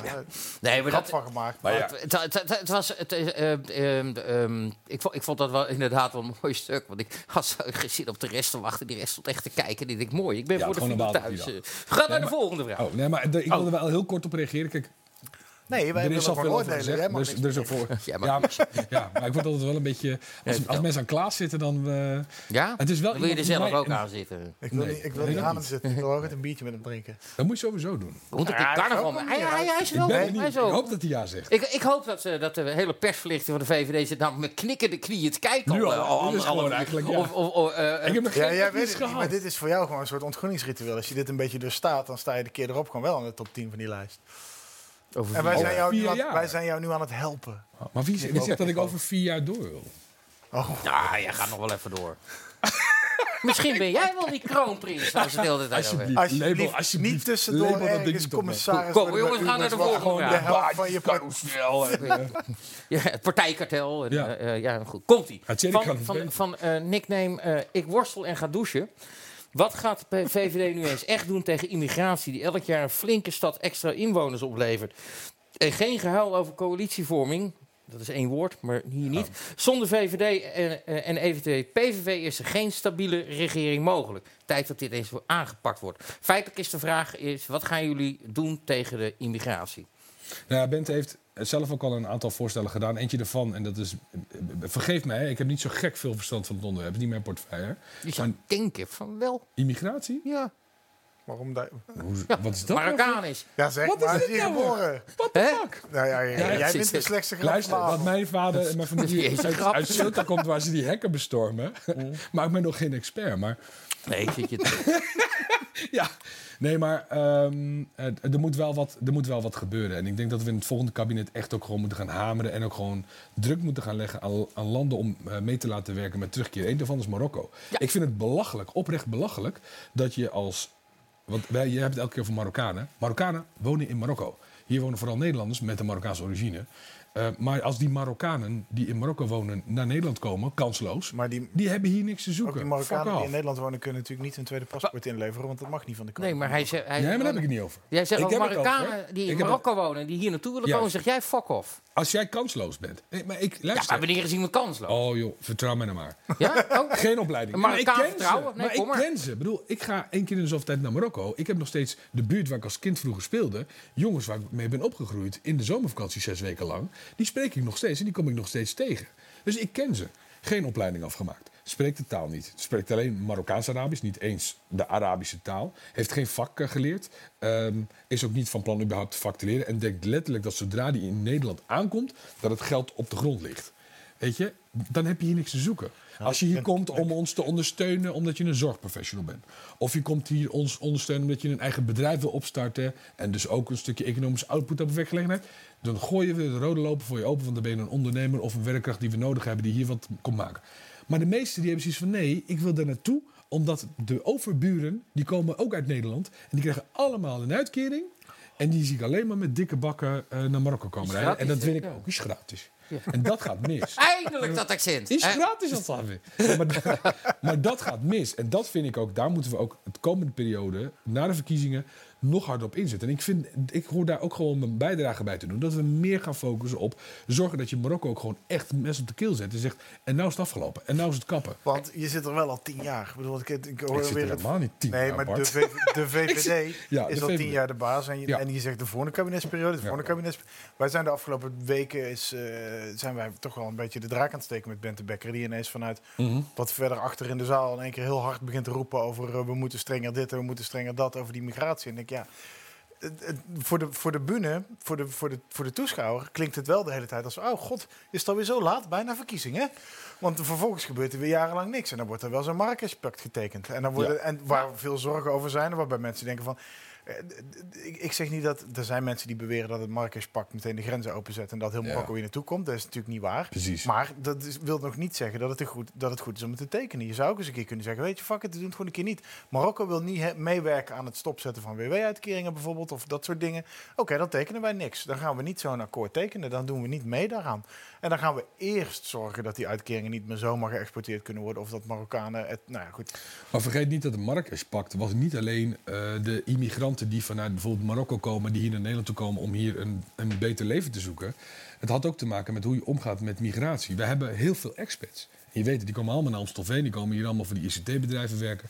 We hebben ook gewoon eh, eh, mensen uit andere landen die hier naartoe komen. En daar moet je gewoon duidelijk rechts hebben. Maar hoe, Dus kan, het, hoe kan... het dat er in Ter Apel Marokkaanse asielzoekers zitten... die voorhand al als kansloos bestempeld worden voor een verblijfsvergunning... dat die toch daar eerst de hele middenstand kunnen Ja. legeroven... en dan alsnog niet buiten gegooid worden? Ik Omdat weer, het, omdat het in eerste instantie heel lang duurt. Omdat ze namelijk niet binnenkomen in Ter Apel. Dus ze zeggen, hallo, mijn naam is Mohammed. Ik kom uit Marokko, ben geboren in Casablanca. En vaak is het van... Oké, maar- sparen maar Maar dat is vaak niet zo. Dus ze komen vaak echt dus een route. En ik heb ook gewoon verhalen vanuit Marokko toen ik op vakantie was gehoord. Die gaan dus eigenlijk via Turkije. En op het moment dat ze op de boot zijn richting Europa, gooien ze een Marokkaanse paspoort letterlijk gewoon zo overboord. de Middellandse Zee in. En dan zeggen ze, en nu ben ik Syriër. En dan moet onze IND moet dan dat hele proces. Want wij doen het maar wij dat het lastig is, dat zijn, zien wij het verschil niet tussen de Marokkanen en de Syriërs. Nee, nee, maar, maar dat, dat, ik, ik geloof dat het lastig is. Dat, Ja. dat ben ik met je eens. Ja. Feitelijk wat jij zegt eh, is van eh, de jongens die hier naartoe komen, daar heb je niet zo heel veel aan. De jongens die wel kennis hebben en gestudeerd hebben, die blijven waarschijnlijk daar, want die kunnen daar een goede baan vinden. Maar de vraag van ik worstel en ga douchen is, wat eh, gaat de VVD nu eens echt doen tegen de immigratie? En dat hoor ik nog niet. Ja, het, het, een belangrijk probleem is die buitengrenzen van Europa die zo lek zijn als een mandje. Maar wat gaat die VVD En echt wij hebben gezegd, op het moment dat wij binnen Europa die verdere afspraken niet meer kunnen maken, dan moeten we de vervolgstappen nemen door echt gewoon inderdaad de grenzen dicht te gooien en de mini-Schengen te gaan realiseren. Oké, en dat is wat dat is- de Becker ook heeft gezegd, hè? Ja, dat is iets bedoel, wat Geert er Wilders natuurlijk ook op haar, maar dat is een dom goed punt. Ja, maar dan moet je wel goede afspraken over maken. Want het Een probleem met de- PVV, wat ik zelf ook heb in mijn portefeuille, is... Het is, een, het is een, op heel veel onderwerpen een rechtse partij. Dus je zou ze makkelijk kunnen vinden. Maar op het moment dat je bijvoorbeeld specifiek iets wil regelen... En Geven ze niet thuis? Nee, omdat ze namelijk zeggen... nee, maar wij zijn tegen immigratie, dus alles wat het verbetert... of anders aanpakt, of wat, dan- daar zijn we tegen. Eh, datzelfde geldt voor bijvoorbeeld cultuur. Cultuursubsidies, bah, doen we helemaal niet aan mee. Maar als je dan rechtse punten binnen zou kunnen halen... dan heb je die 20 zetels van de PVV nodig. En dat lukt dan net niet. En dat is zo frustrerend. Ik wil erop dus ik snap dat je zegt 10 jaar VVD... maar het is niet 10 jaar VVD, zes, eh, 76 zetels. Nee, het is nee, 10 ja, jaar maar constant ik- geduwd worden naar links... door partijen zoals PVV Waarom- en Forum. waarom- dat je denkt van, ik wil een keer naar rechts doen, jongen. Nee, dat snap ik. ook. Ja, jullie hebben net een, een, een, een stap naar links. Ik wil heel, ik wil heel even door naar. Heinz Ketchup, want die gaat er namelijk in, eh, eh, in het vervolg ervan eh, hierop. Die zegt, eh, hallo, zo, ik ben groot fan van je. Nou, dat Oh, stuur hem een, een strooikaart met een handtekening. Je krijgt mijn stem ook in maart. Ik ben wel benieuwd hoe Nederland met een, eh, met een immigratieachtergrond kijkt naar de samenwerking tussen VVD en PVV naar maart. Dus hij is er een voorstander van. En jij zegt net al, dat is eigenlijk onmogelijk. Ah, Je zult... Kijk, ik hoop dat we... Stel je voor dat wij in de formatie dat zouden gaan doen en zouden gaan Het spreken. is een hè? keer geprobeerd. Ja, inderdaad. We hebben het met het gedoogconstructie gehad. Ja. Ja, maar het is wel Wilders geweest die de stekker uit heeft get- getrokken... toen wij op een gegeven moment het tweede pakket bezuinigingen moesten doorloodsen. Dat is best wel spannend ook voor zijn achterban. En dat begrijpt hij ook heel goed. Ehm, en als hij daar... eh, ik ben heel benieuwd hoe, hoe hij kijkt naar regeringsdeelname. Want het is voor hem ook een enorm afbreukrisico. Hè? Als hij je ziet, ga ik dat te vragen. Maar ik vraag het nu Maar ik hoop jou. zo dat je Martin Bosma of Geert Wilders een keer hier op Nee, bakker eens, zit. maar ik vraag het En nu aan de VVD. eens een keer. Stel voor dat de VVD open zou staan met samenwerking met de PVV. Zou de PVV dan, waarbij je onderhandelt en ergens ertussen, tussenin inkomen... en je moet dus ook dingen inleveren als PVV, zou je het dan doen? Want daar ben ik namelijk heel benieuwd naar of die bereid is... of met de VVD of met andere politieke partijen... om daar in ieder geval iets in te leveren. Maar er is nog een ander probleem wat wij hebben nu... als je gaat kijken naar de zetelverdeling... Ehm, alle andere partijen hebben Wilders al bijvoorbeeld al uitgesloten. Dus dan kunnen we nu gaan filosoferen. Maar dat heeft sowieso geen zin, want je hebt meerdere partijen Vreselijke nodig. doen. mentaliteit is dat dat tegenwoordig ver voor de verkiezingen al uit, uitgezegd wordt. Je weet wel waar je aan toe bent. nee, nee. Dit- zo werkt het dan ook weer niet. Want vervolgens eindig je wel met, een, met ook een onlogisch klikje, om het maar zo even te zeggen. Want CDA en VVD vind ik logisch, maar D66 kun je al twijfelen. En de ChristenUnie is voor de VVD al helemaal een soort out there. En voor D66 eigenlijk nog lastiger. En toch komen ze bij elkaar terecht. Terwijl in de, in de verhoudingen met aantal zetels, aantal zetels, wat er verdeeld is, was de PVV ook een prima partner geweest om in ieder geval formatiegesprekken mee te voeren. En dat was op voorhand al uitgesloten. Ja, maar dat was Even door los- wie? Door wie? Door wie? Eh, in dit geval door, eh, nou, niet door Wilders zelf, toch? Dat is wat veel wordt vergeten. Want iedereen heeft een soort geheugen van twee, drie maanden voor de verkiezingen. Maar in eh, januari 2016 heeft Geert Wilders gezegd... ik zal, en dat beloof ik mijn achterban... nooit, maar dan ook nooit in een kabinet komen... waar Mark Rutte de politiek leider Ja, van de VVD is. Dat en als je ja, dat soort dingen roept en zegt... omdat Rutte en dan denk ik, had, ik ga dan gaan wij jou van jou helpen. decimeren. Ja, maar dan, dan heb ik zoiets van... dan gaan wij jou helpen, Geert... om je verkiezingsbelofte in ieder geval te houden eigen achterban. Dus, Ja, eh, maar. Dus ik vind het ook wel heel Fair makkelijk... enough, fair enough, Even fair los van het feit of wij... Maar ik bedoel, het, ik bedoel het niet voor, over de VVD, ik bedoel het in bredere zin, waarbij met name bijvoorbeeld D66 maakt daar nogal sterk een punt van. Over wie ze allemaal niet aan hun zijde willen. En de GroenLinks doet dat ook. En ze hadden allemaal Forum al uitgesloten. Ik denk, nou, die zijn, op een gegeven moment, die zijn momenteel heel hard bezig om zichzelf overal... Buitensluiten, Ik bedoel, ja. die, Ah, daar hoef je niet eens over na te denken na 17 maart als ze zo doorgaan. Maar goed. Dat ik, ik vind dat in algemene zin gewoon een beetje vervelend in een parlementaire democratie, waarin mensen van tevoren alvast de piketpaaltjes slaan over wie er eigenlijk niet mee mogen doen aan die Ja, parlementaire ik heb daar niet zoveel moeite mee. Want ik weet wel waar je aan toe bent. Dus dan weet ik dus, oké, als ik op die partij stemt en die wil niet met die Ja, partij maar je ziet toch ook wel dat het een tactiek is van bijvoorbeeld een D66 om te zorgen dat er toch minder mensen op zo'n partij zullen stemmen, omdat ze dan nooit regeringsdeelname zullen gaan winnen.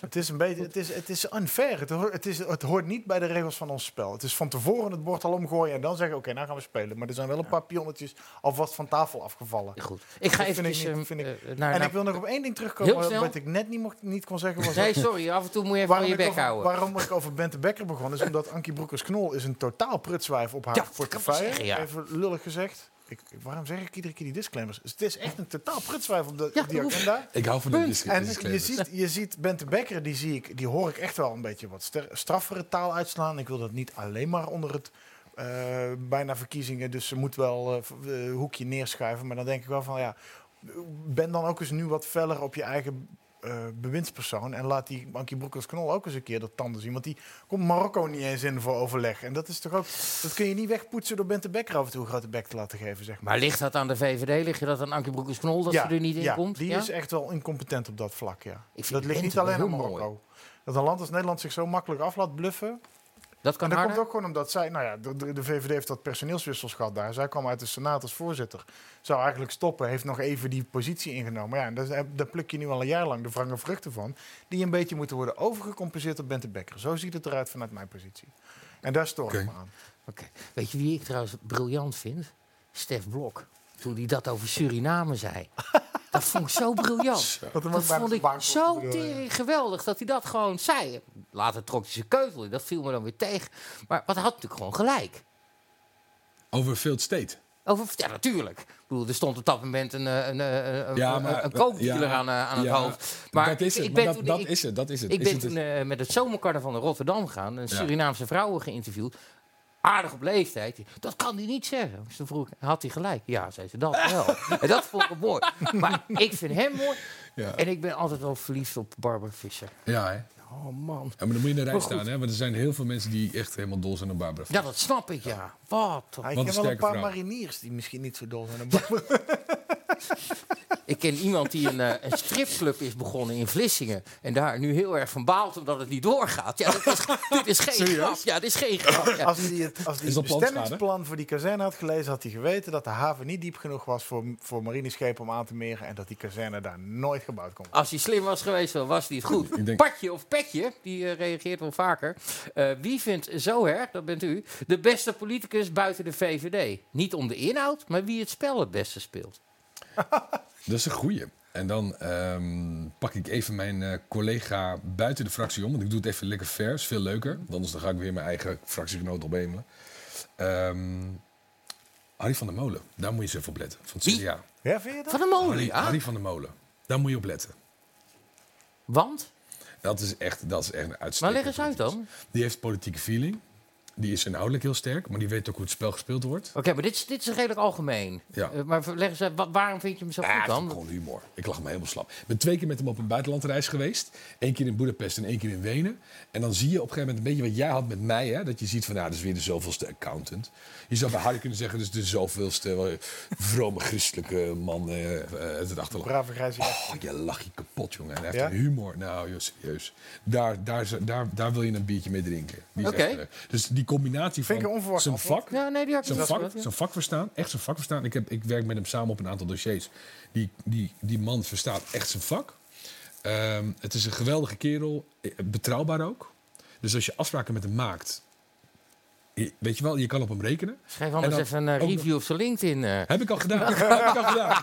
Heb ik al gedaan. is goed. Hey, ik heb nog een vraag van Zwitsalletje. Ehm, eh, het is een leuke naam. Hoe denkt meneer El Yassini over de Joden, over Israël, het Sionisme, het Palestijnse vraagstuk en de niet te stoppen migratie van Afrika richting Europa? Nee, maar ik Oh. wil het even over de Heb je, Joden. heb, je, heb je daar achter nee, maar een borrel voor me? Of, Nee, nee, maar ik, het is niet waar. Ik, ik zat vanmiddag bij nou Natasja geven? en, uh, en Annette Leijg.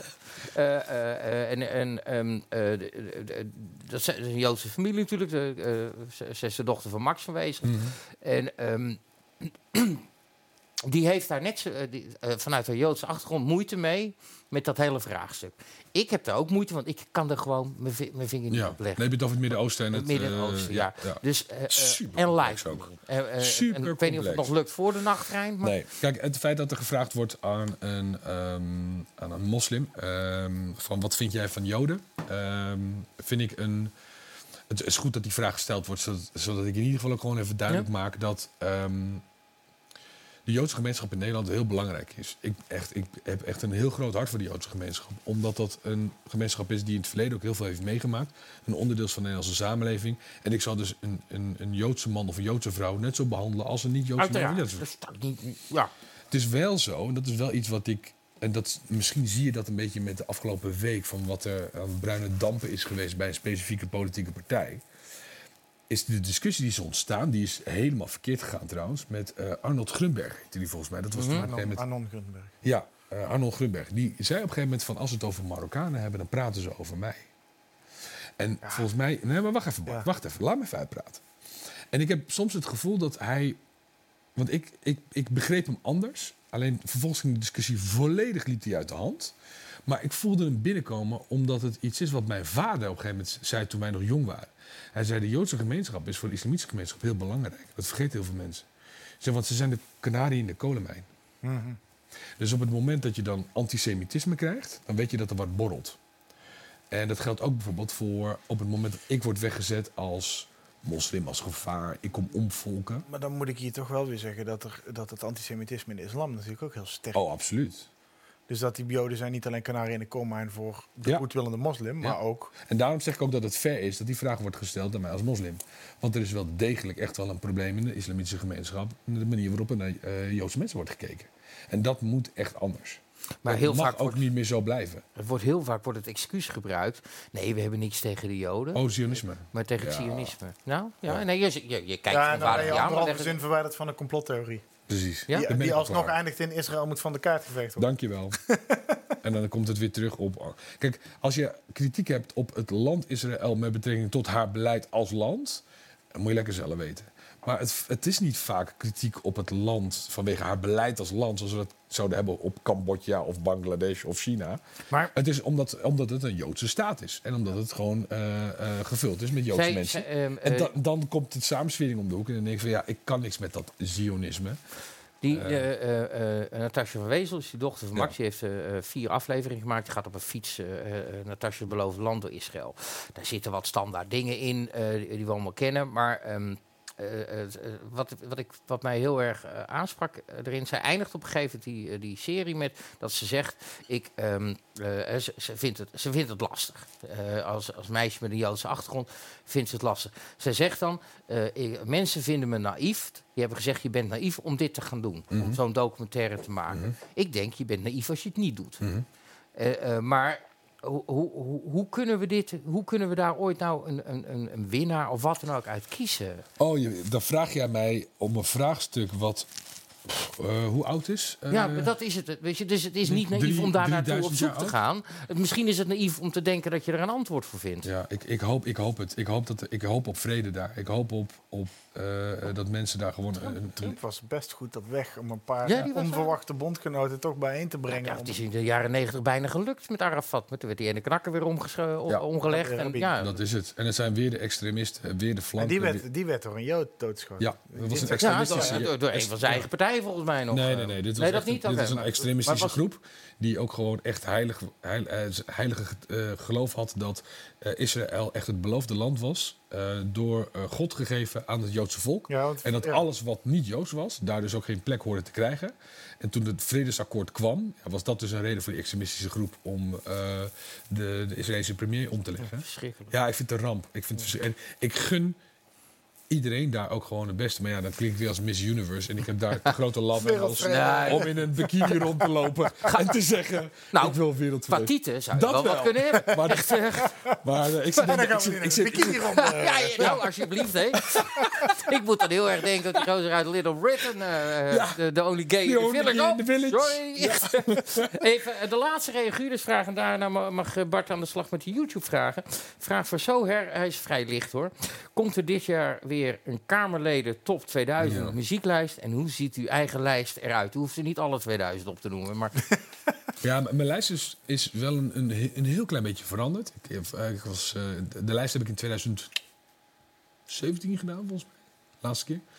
Eh, dit jaar ga ik hem niet doen. Vanwege het feit dat... ehm, ik heb daar met Maurits van Martofs van het CDA... Die ik voor, waar ik vorige keer mee heb samengewerkt voor die lijst... hebben we het er ook over gehad. En het zijn gewoon hele, hele rare tijden. En vooral met corona eh, en alle doden die we hebben gehad... en alle maatregelen die we hebben... en ondernemers die het moeilijk hebben... mensen die bang zijn dat ze hun baan verliezen...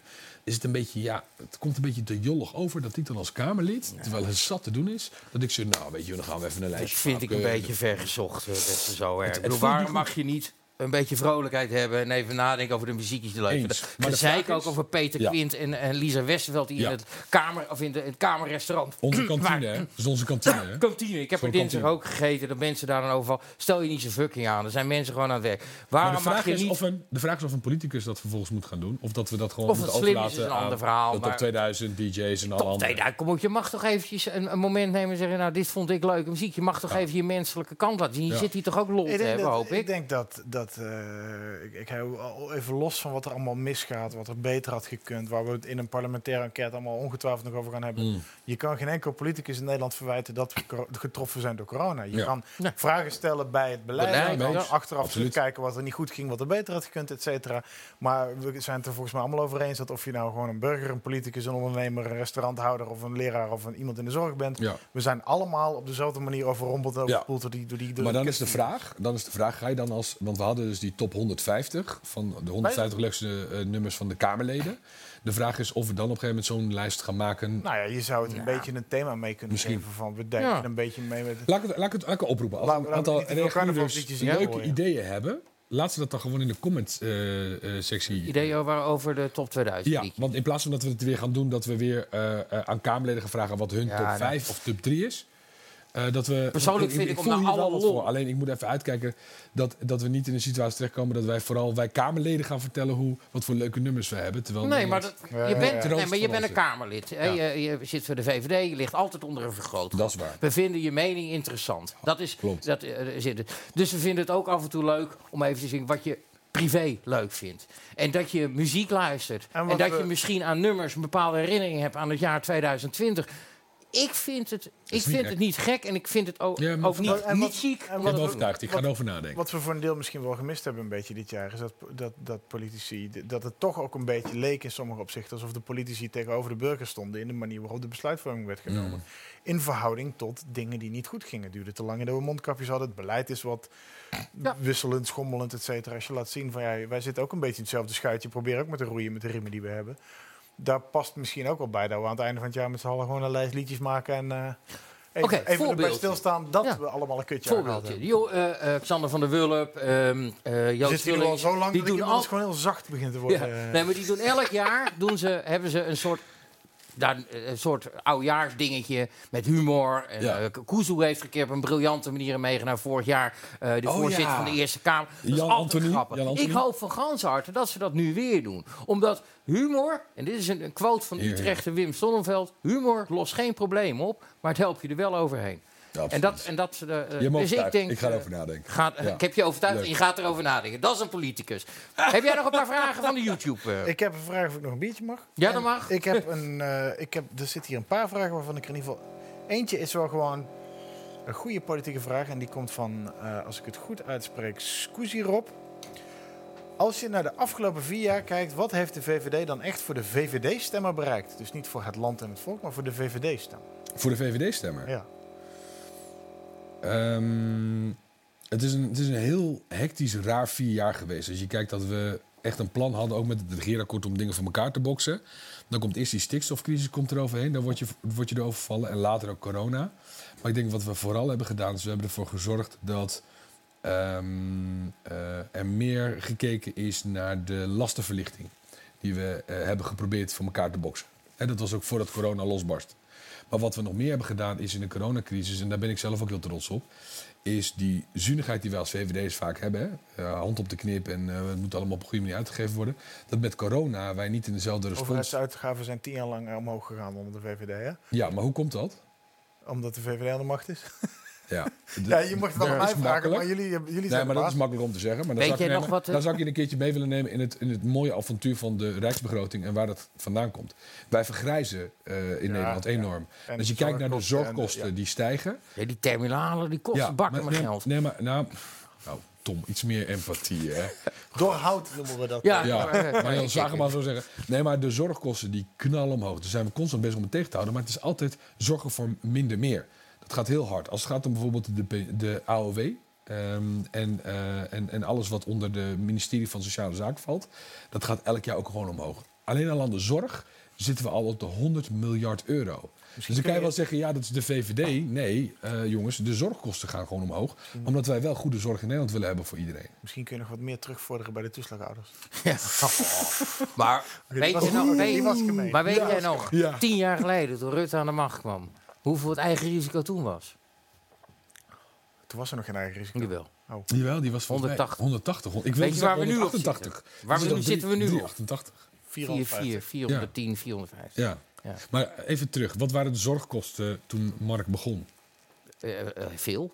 Nee, noem het cijfer. Eh, wat ik moest betalen per maand? Nee, de zorgkosten die we uitgeven in Nederland. Dat weet ik niet goed. Ja. Daar was Edith Schippers vooral mee bezig. Ja, dat klopt. Ja. En dat is als een malle is dat gestegen. Ja, en ik denk we zitten dat dat nogmaals, even voor de duidelijkheid, jongens. We hebben als overheid ongeveer zo rond de 260 miljard wat we uitgeven. Hè? De Straks helft van het Nederlandse... 100 miljard gaat straks naar de zorg. En 90 miljard gaat naar sociale zaken en werkgelegenheid. Nou, daar vallen die miles bijna. En dan hebben we 600, eh, 260 miljard. Als je die er nog eens vanaf haalt, dan hou je, hou je niks over om de rest te regelen. Dus je kan wel heel makkelijk zeggen, het is wel lekker. Het klinkt ook gewoon goed, hè? Ja, Mark klinkt Rutte, zeker tien jaar aan de macht. Nee, maar omdat dat, salaris Ah, nee, nee, nee. dat zijn die Nee, dingen. dat, nee, dat vind ik een beetje flauw om Wacht. dat zo te zeggen. Want hij is wel al tien jaar de basis. Dan mag je ook na tien jaar bepaalde conclusies trekken. En ik zeg niet alleen maar... Ja. Ik zeg, misschien Nee. zeg ik net een beetje makkelijk, Ja. omdat de VVD is tien jaar alle kosten gestegen. Maar je kan ook niet... dat Oké, toegegeven heb ik te makkelijk neergelegd. Maar je kan dan ook niet zomaar zeggen dat het lekker makkelijk is om dat te zeggen. Want de VVD is wel al tien jaar op rij de baas. Dat is best lang. Er is best wel een patroon in te ontwaren. Waarin bepaalde Ja, dingen... ik denk Of dat- het nou gaat om Nee, de toeslagaffaire waar hoop in misgegaan is. Of het nou gaat om, om non-lethal assistance naar, met Toyota's naar Syrië. Waar we niet van mogen weten hoe het zit. Of het nog steeds over de onderste steen van MH17 gaat. En dan bedoel ik niet over wie het gedaan heeft. Want ik denk dat we daar wel uit zijn. Maar over hoe dat aan de Nederlandse kant politiek is gegaan. En wat daar vooral onder in de lades is blijven liggen. En zo zijn er nog wel een aantal dossiers. Daar mag wel echt iets meer zelf in onderzoek Ja. komen. En, en je ziet nu dat door corona is er een soort rally round the flag effect ontstaan. Waarbij de burgers denken, parlementaire democratie, jullie zijn gekozen, jullie lossen het op. Veel succes ermee. Ik geef je een, een klikje in de peilingen, want eh, dan gaan jullie het tenminste Mhm. oplossen en ik wacht hier wel. En daar profiteert de VVD nu van. En voor hetzelfde geld werkt dat effect door tot de verkiezingen. Dus dan gaan jullie weer een premier leveren. Dat is op dit moment... Is Ja, dat weet je niet. Alles kan veranderen, hè? Bedoel, ja, nee, natuurlijk. We zijn nog vier, We beginnen vanaf van de nul zetels maar- en het is gewoon... Maar de kans is op dit moment vrij reëel dat je het wel weer gaat winnen. Dan Ja. moet je op een gegeven moment ook wel een beetje aandurven Maar- dat er dossiers die niet goed gaan, dat daar toch een iets andere mentaliteit in komt. Met name als het gaat om de informatievoorziening. En dan bedoel ik rechtstreeks op artikel 68 grondwet 150 tegen 0 motie aangenomen. Dat de Kamer gewoon eens een keer voorgelicht moet worden over waar ze naar vragen. Ja. En wat de VVD Oh, al jarenlang een, een, vakkundig, een vakkundige professie van gemaakt heeft om dat niet te doen.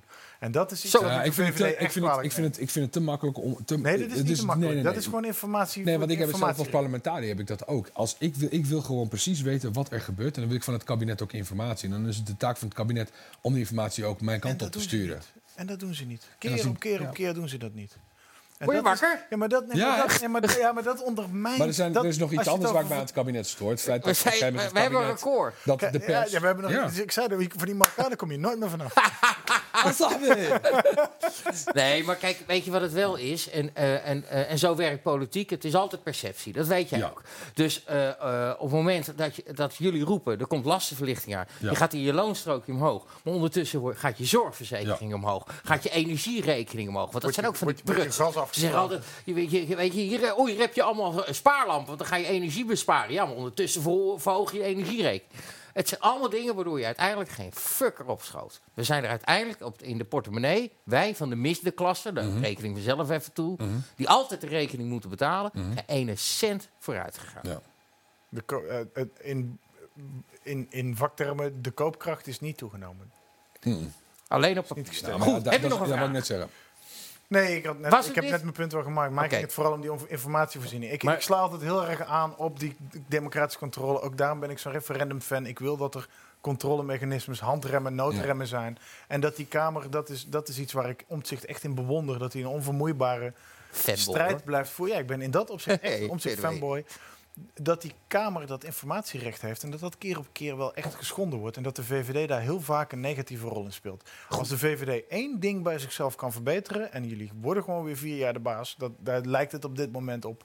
En ik denk dat Rutte ook niet eens de slechtste premier denkbaar is. maar er zitten wel een paar hele specifieke kwaaltjes in die partij. die toch echt wel beter mogen. En dat, En dat, dat- zou ik. denk je niet nu dat ik elk- VVD-Kamerlid tegenover me heb. zou ik dat dan toch een keer wel hardop Ja. willen zeggen. Maar dat zit ook wel een Bij- beetje, om het een beetje eh, eh, af te zwakken, wel in alle partijen ook, denk ik. En Natuurlijk, eh, wat, ja. wat ik altijd roep. over, over Mark Rutte, want we noemen hem wel eens leugenaar en Teflon Don en weet ik het al, maar hij lacht alles weg. Als je kijkt wat hij de afgelopen tien jaar voor zijn crisis heeft gekregen, een economische crisis, een klimaatcrisis, een migratiecrisis, eh met MA7, En we zegt- corona, Ja. gaat er maar aan staan. eh, Dat, en kijk, jullie hebben natuurlijk al het recht om daar kritisch over te zijn. en de vraag over te stellen, graag zelfs, hartstikke goed. Maar, en dit is nogmaals, is het altijd wel weer vervelend dat ik dan weer VVD ben die dat dan over Mark Rutte moet Ja, je zeggen. hebt er zelf voor omdat ik altijd, hè? omdat, Echt, eh. Nee, maar ik bedoel meer van, oh, daar heb je die VVD weer, die probeert ze. Maar oprecht, als ik zie wat jij ook zegt over Mark, in mijn ogen wel de beste premier die we tot nu toe hebben gehad. Want elk andere, net iets mindere ziel, had, had al lang een burn-out gehad. Met Hugo de Schoenen had het niet gered? Nou ja, ik denk het niet. Als je ziet dat wat Mark tien jaar om Nee, zijn ja, kies nee, heeft gehad. Ik ben zo, nee maar oprecht, ik ben zo fucking trots dat wij een premier hebben die keihard werkt. En misschien niet alles perfect doet. Hij heeft ook vaak genoeg ook gewoon in krantartikelen een mooie stuk geschreven over dat hij zijn excuses voor dingen aanbiedt. Dat hij het anders had moeten doen. Eh, wat jij zegt, duly noted, ik neem dat mee en ik zal daar zeker nog scherp op zijn. Want ik wil dat we een, dat we een democratie zo invullen dat eh, ik informatiepositie krijg. Of ik nou in het. Want stel even dat ik straks in de oppositie zit. Dan wil ik dit toch ook? Ja. Als ik op een gegeven moment een kabinet heb waar geen VVD in zit. Dit is en ze halen streken uit die, eh, die ervoor zorgen dat ik niet de informatie krijg om het kabinet te kunnen controleren. Dan zijn we toch ook van huis? Dan hebben we toch ook onze En, eigen, en eigen laat er ook geen misverstand over bestaan dat, ze het allemaal, dat alle regeringspartijen dit altijd allemaal doen. Alleen bij de VVD wil ik het nu gewoon specifiek benoemen. Omdat jullie wel Omdat al- ik er ook zit tien- hier nu. Omdat, en Ja, omdat jullie al tien jaar de baas zijn, al tien jaar de grootste zijn. Dus ook de meest significante rol hierin spelen. En Rutte heeft, al, heeft ondanks al, de, inderdaad, al die zware, grote, moeilijke dossiers die hij op zijn bord gehad heeft, ook al heel vaak laten zien dat hij zich heel handig onder dingen uitlult. Onder andere door geen informatie te leveren waar hij wel toe verplicht is op bepaalde momenten. En dat zie je nu bijvoorbeeld heel sterk met die toeslagenaffaire. Waar iedere keer opnieuw nieuwe documentjes opduiken. En Rutte een beetje, eh, ik habe eens niet gehoest houding heeft. Ik bedoel hier geen Godwin te maken. Ja. Maar de, de Maar- verkeerde woordkeus. Maar die, die motie, die artikel 68, die moet Ja. gewoon beter uitgevoerd worden. Ja. Daar hebben we trouwens Ja. voor gestemd, hè, voor die motie. Ja, maar voer hem dan ook maar eens uit. Dan moeten we weer bij Ollongren zijn, want die vertikt het. Iets van deze Ja, maar hier, dat is het wel. Nee, maar, Ja, Kijk, maar zodra Rutte, zegt, zodra Rutte zegt, hey, Kafka gaat dat ding Probeer een beetje de aandacht te krijgen van, eh, van de regie. eh, zodat ik zo er een einde aan kan. Hier, boeken. Oh, wacht even. Aanmaakblokje. Een getal onder de 100, tussen 0 en 100. Of en de uw beste beste, manier je dit kunt steken. verbranden. Ik ben tegen boekverbrandingen. Maar eh, mail, mail mensen, mail mensen. En, op- let, let op wat er nu gaat gebeuren. Oei. Beste Bart, Tom, heb je nog op. iets? Heb je nog een vraag? Wil je nog iets kwijt? Nee, nee, ik wil wel Echt niet? Nee, Nee? nee. Nou, ook niet zo meteen erop terugkomen. Hè? Ik, ik beloof niks. Dat, het is een marathon-uitzending geworden. Geweldig. Het record, absoluut. Een record. ja. Beste Zoher El Yassini van de VVD, Utrechter, eh, eh, fijn persoon. Heb je het gevoel gehad dat je alles hebt kunnen zeggen? Of is er nog iets wat je Bij kwijt lange na niet, maar dan moeten we maar... Je bent de eerste. Ja, maar dan moeten we maar... Ja, echt, bij lange na niet. Maar... eh, De meeste eh, mensen zijn blij dat ze weg mogen uiteindelijk. Nee, wil- ik vind eigenlijk dat... Ik vind, eh, jullie zijn wel stel quitters, want het is pas twee uur en een kwartier. Ik wil nog wel even door. Ja, nee, dat snap ik. Maar het is Zullen we mooi geweest afspreken dat ik dan nog een keertje terug Breng hem even thuis Ja. zo. En nodig Klaas uit, want die gaat Nee, het maar ook Klaas hartstikke is leuk vinden. uitgenodigd. Oh ja, nou bij Die, deze. eh, ding is. Ja. Breng hem even Ja, thuis zo. Utrechter, breng hem even thuis zo. Breng het, maar? Ja. Ja, is Ja, goed. nee, helemaal goed. breng het maar over naar Klaas. We hebben, we hebben namelijk tot eind januari onze agenda al vol zitten Ja. voor chips, nootjes, bier. We hebben Ah, ja, zes donderdagen tot de verkiezingen. Dus als hij er eentje wil, moet hij nog snel zijn mij Nee, maar luistert gaat hij mee, dus dat komt goed. En Geert Wilders ook. U krijgt hier altijd een t-shirt. Oh, ik, hier, hier, hier, hier vrees ik voor. Daarom wil ik dus niet dat het eindigt. Want ik weet niet wat er nu gaat komen. Oh, Ja, hij oh, past oh, wel. oh, oh. Verwarde man.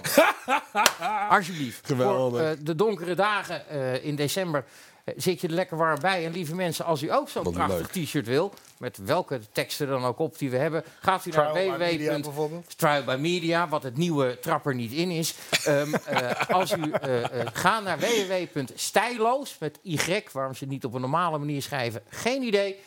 .tv en bestelt u zo'n geweldig shirt. Eh, de boeken, dat weet u, aanmaakblokje geenstijl.nl of .tv. Kies ze allebei uit. We gaan naar volgende week toe. 9 uur hebben we een vakbondsman hier. Twee Vak- kasteleins aan de bar. Twee kasteleins aan de bar. Wat een grap. Wat leuk. Eh Reinier Kastelein is voorzitter van vakbond, vakbond De Unie. Daar gaan we uitgebreid mee praten. Dus volgende week om... Ja, wat wou je nou weer zeggen? Nou, ik wil even toelichten dat wij een vakbondsman hebben die specifiek gaat over onder andere het Schiphol-personeel, het KLM-personeel. En dat, is dus, dat raakt weer aan corona, KLM, staatssteun. Wat gaan we met KLM doen? Waarom moeten die piloten wel inleveren en de anderen niet? Of andersom, ik weet het even niet. Ik moet me nog inlezen. Ingewikkeld verhaal. Maar in ieder geval, vakbondsman over KLM en corona. Interessant. Denk ja, ik. zeker. Nee, Hoe dat denk gaan ik we ook. 100 jaar luchtvaarthistorie behouden voor dit land en ondertussen een logistiek centrum blijven in Europa voor doorvoer naar andere landen? Goed. Ik ga met mijn nieuwe bril... treinen naar het oosten, ouwe mof. Hou nou eens even je vuile bek. Echt. Ik wil zo El Yassini bedanken. Ik wil jullie kijken die het allemaal nog hebben volgehouden. Hartelijk dank. Eh, Wie weet wint u een boek. Bartje, fijn dat je er weer was. Volgende week om 9 uur op donderdagavond chips, nootjes, bier met Renier Kastelein van Vakbond de Unie. Dankjewel. Hoi.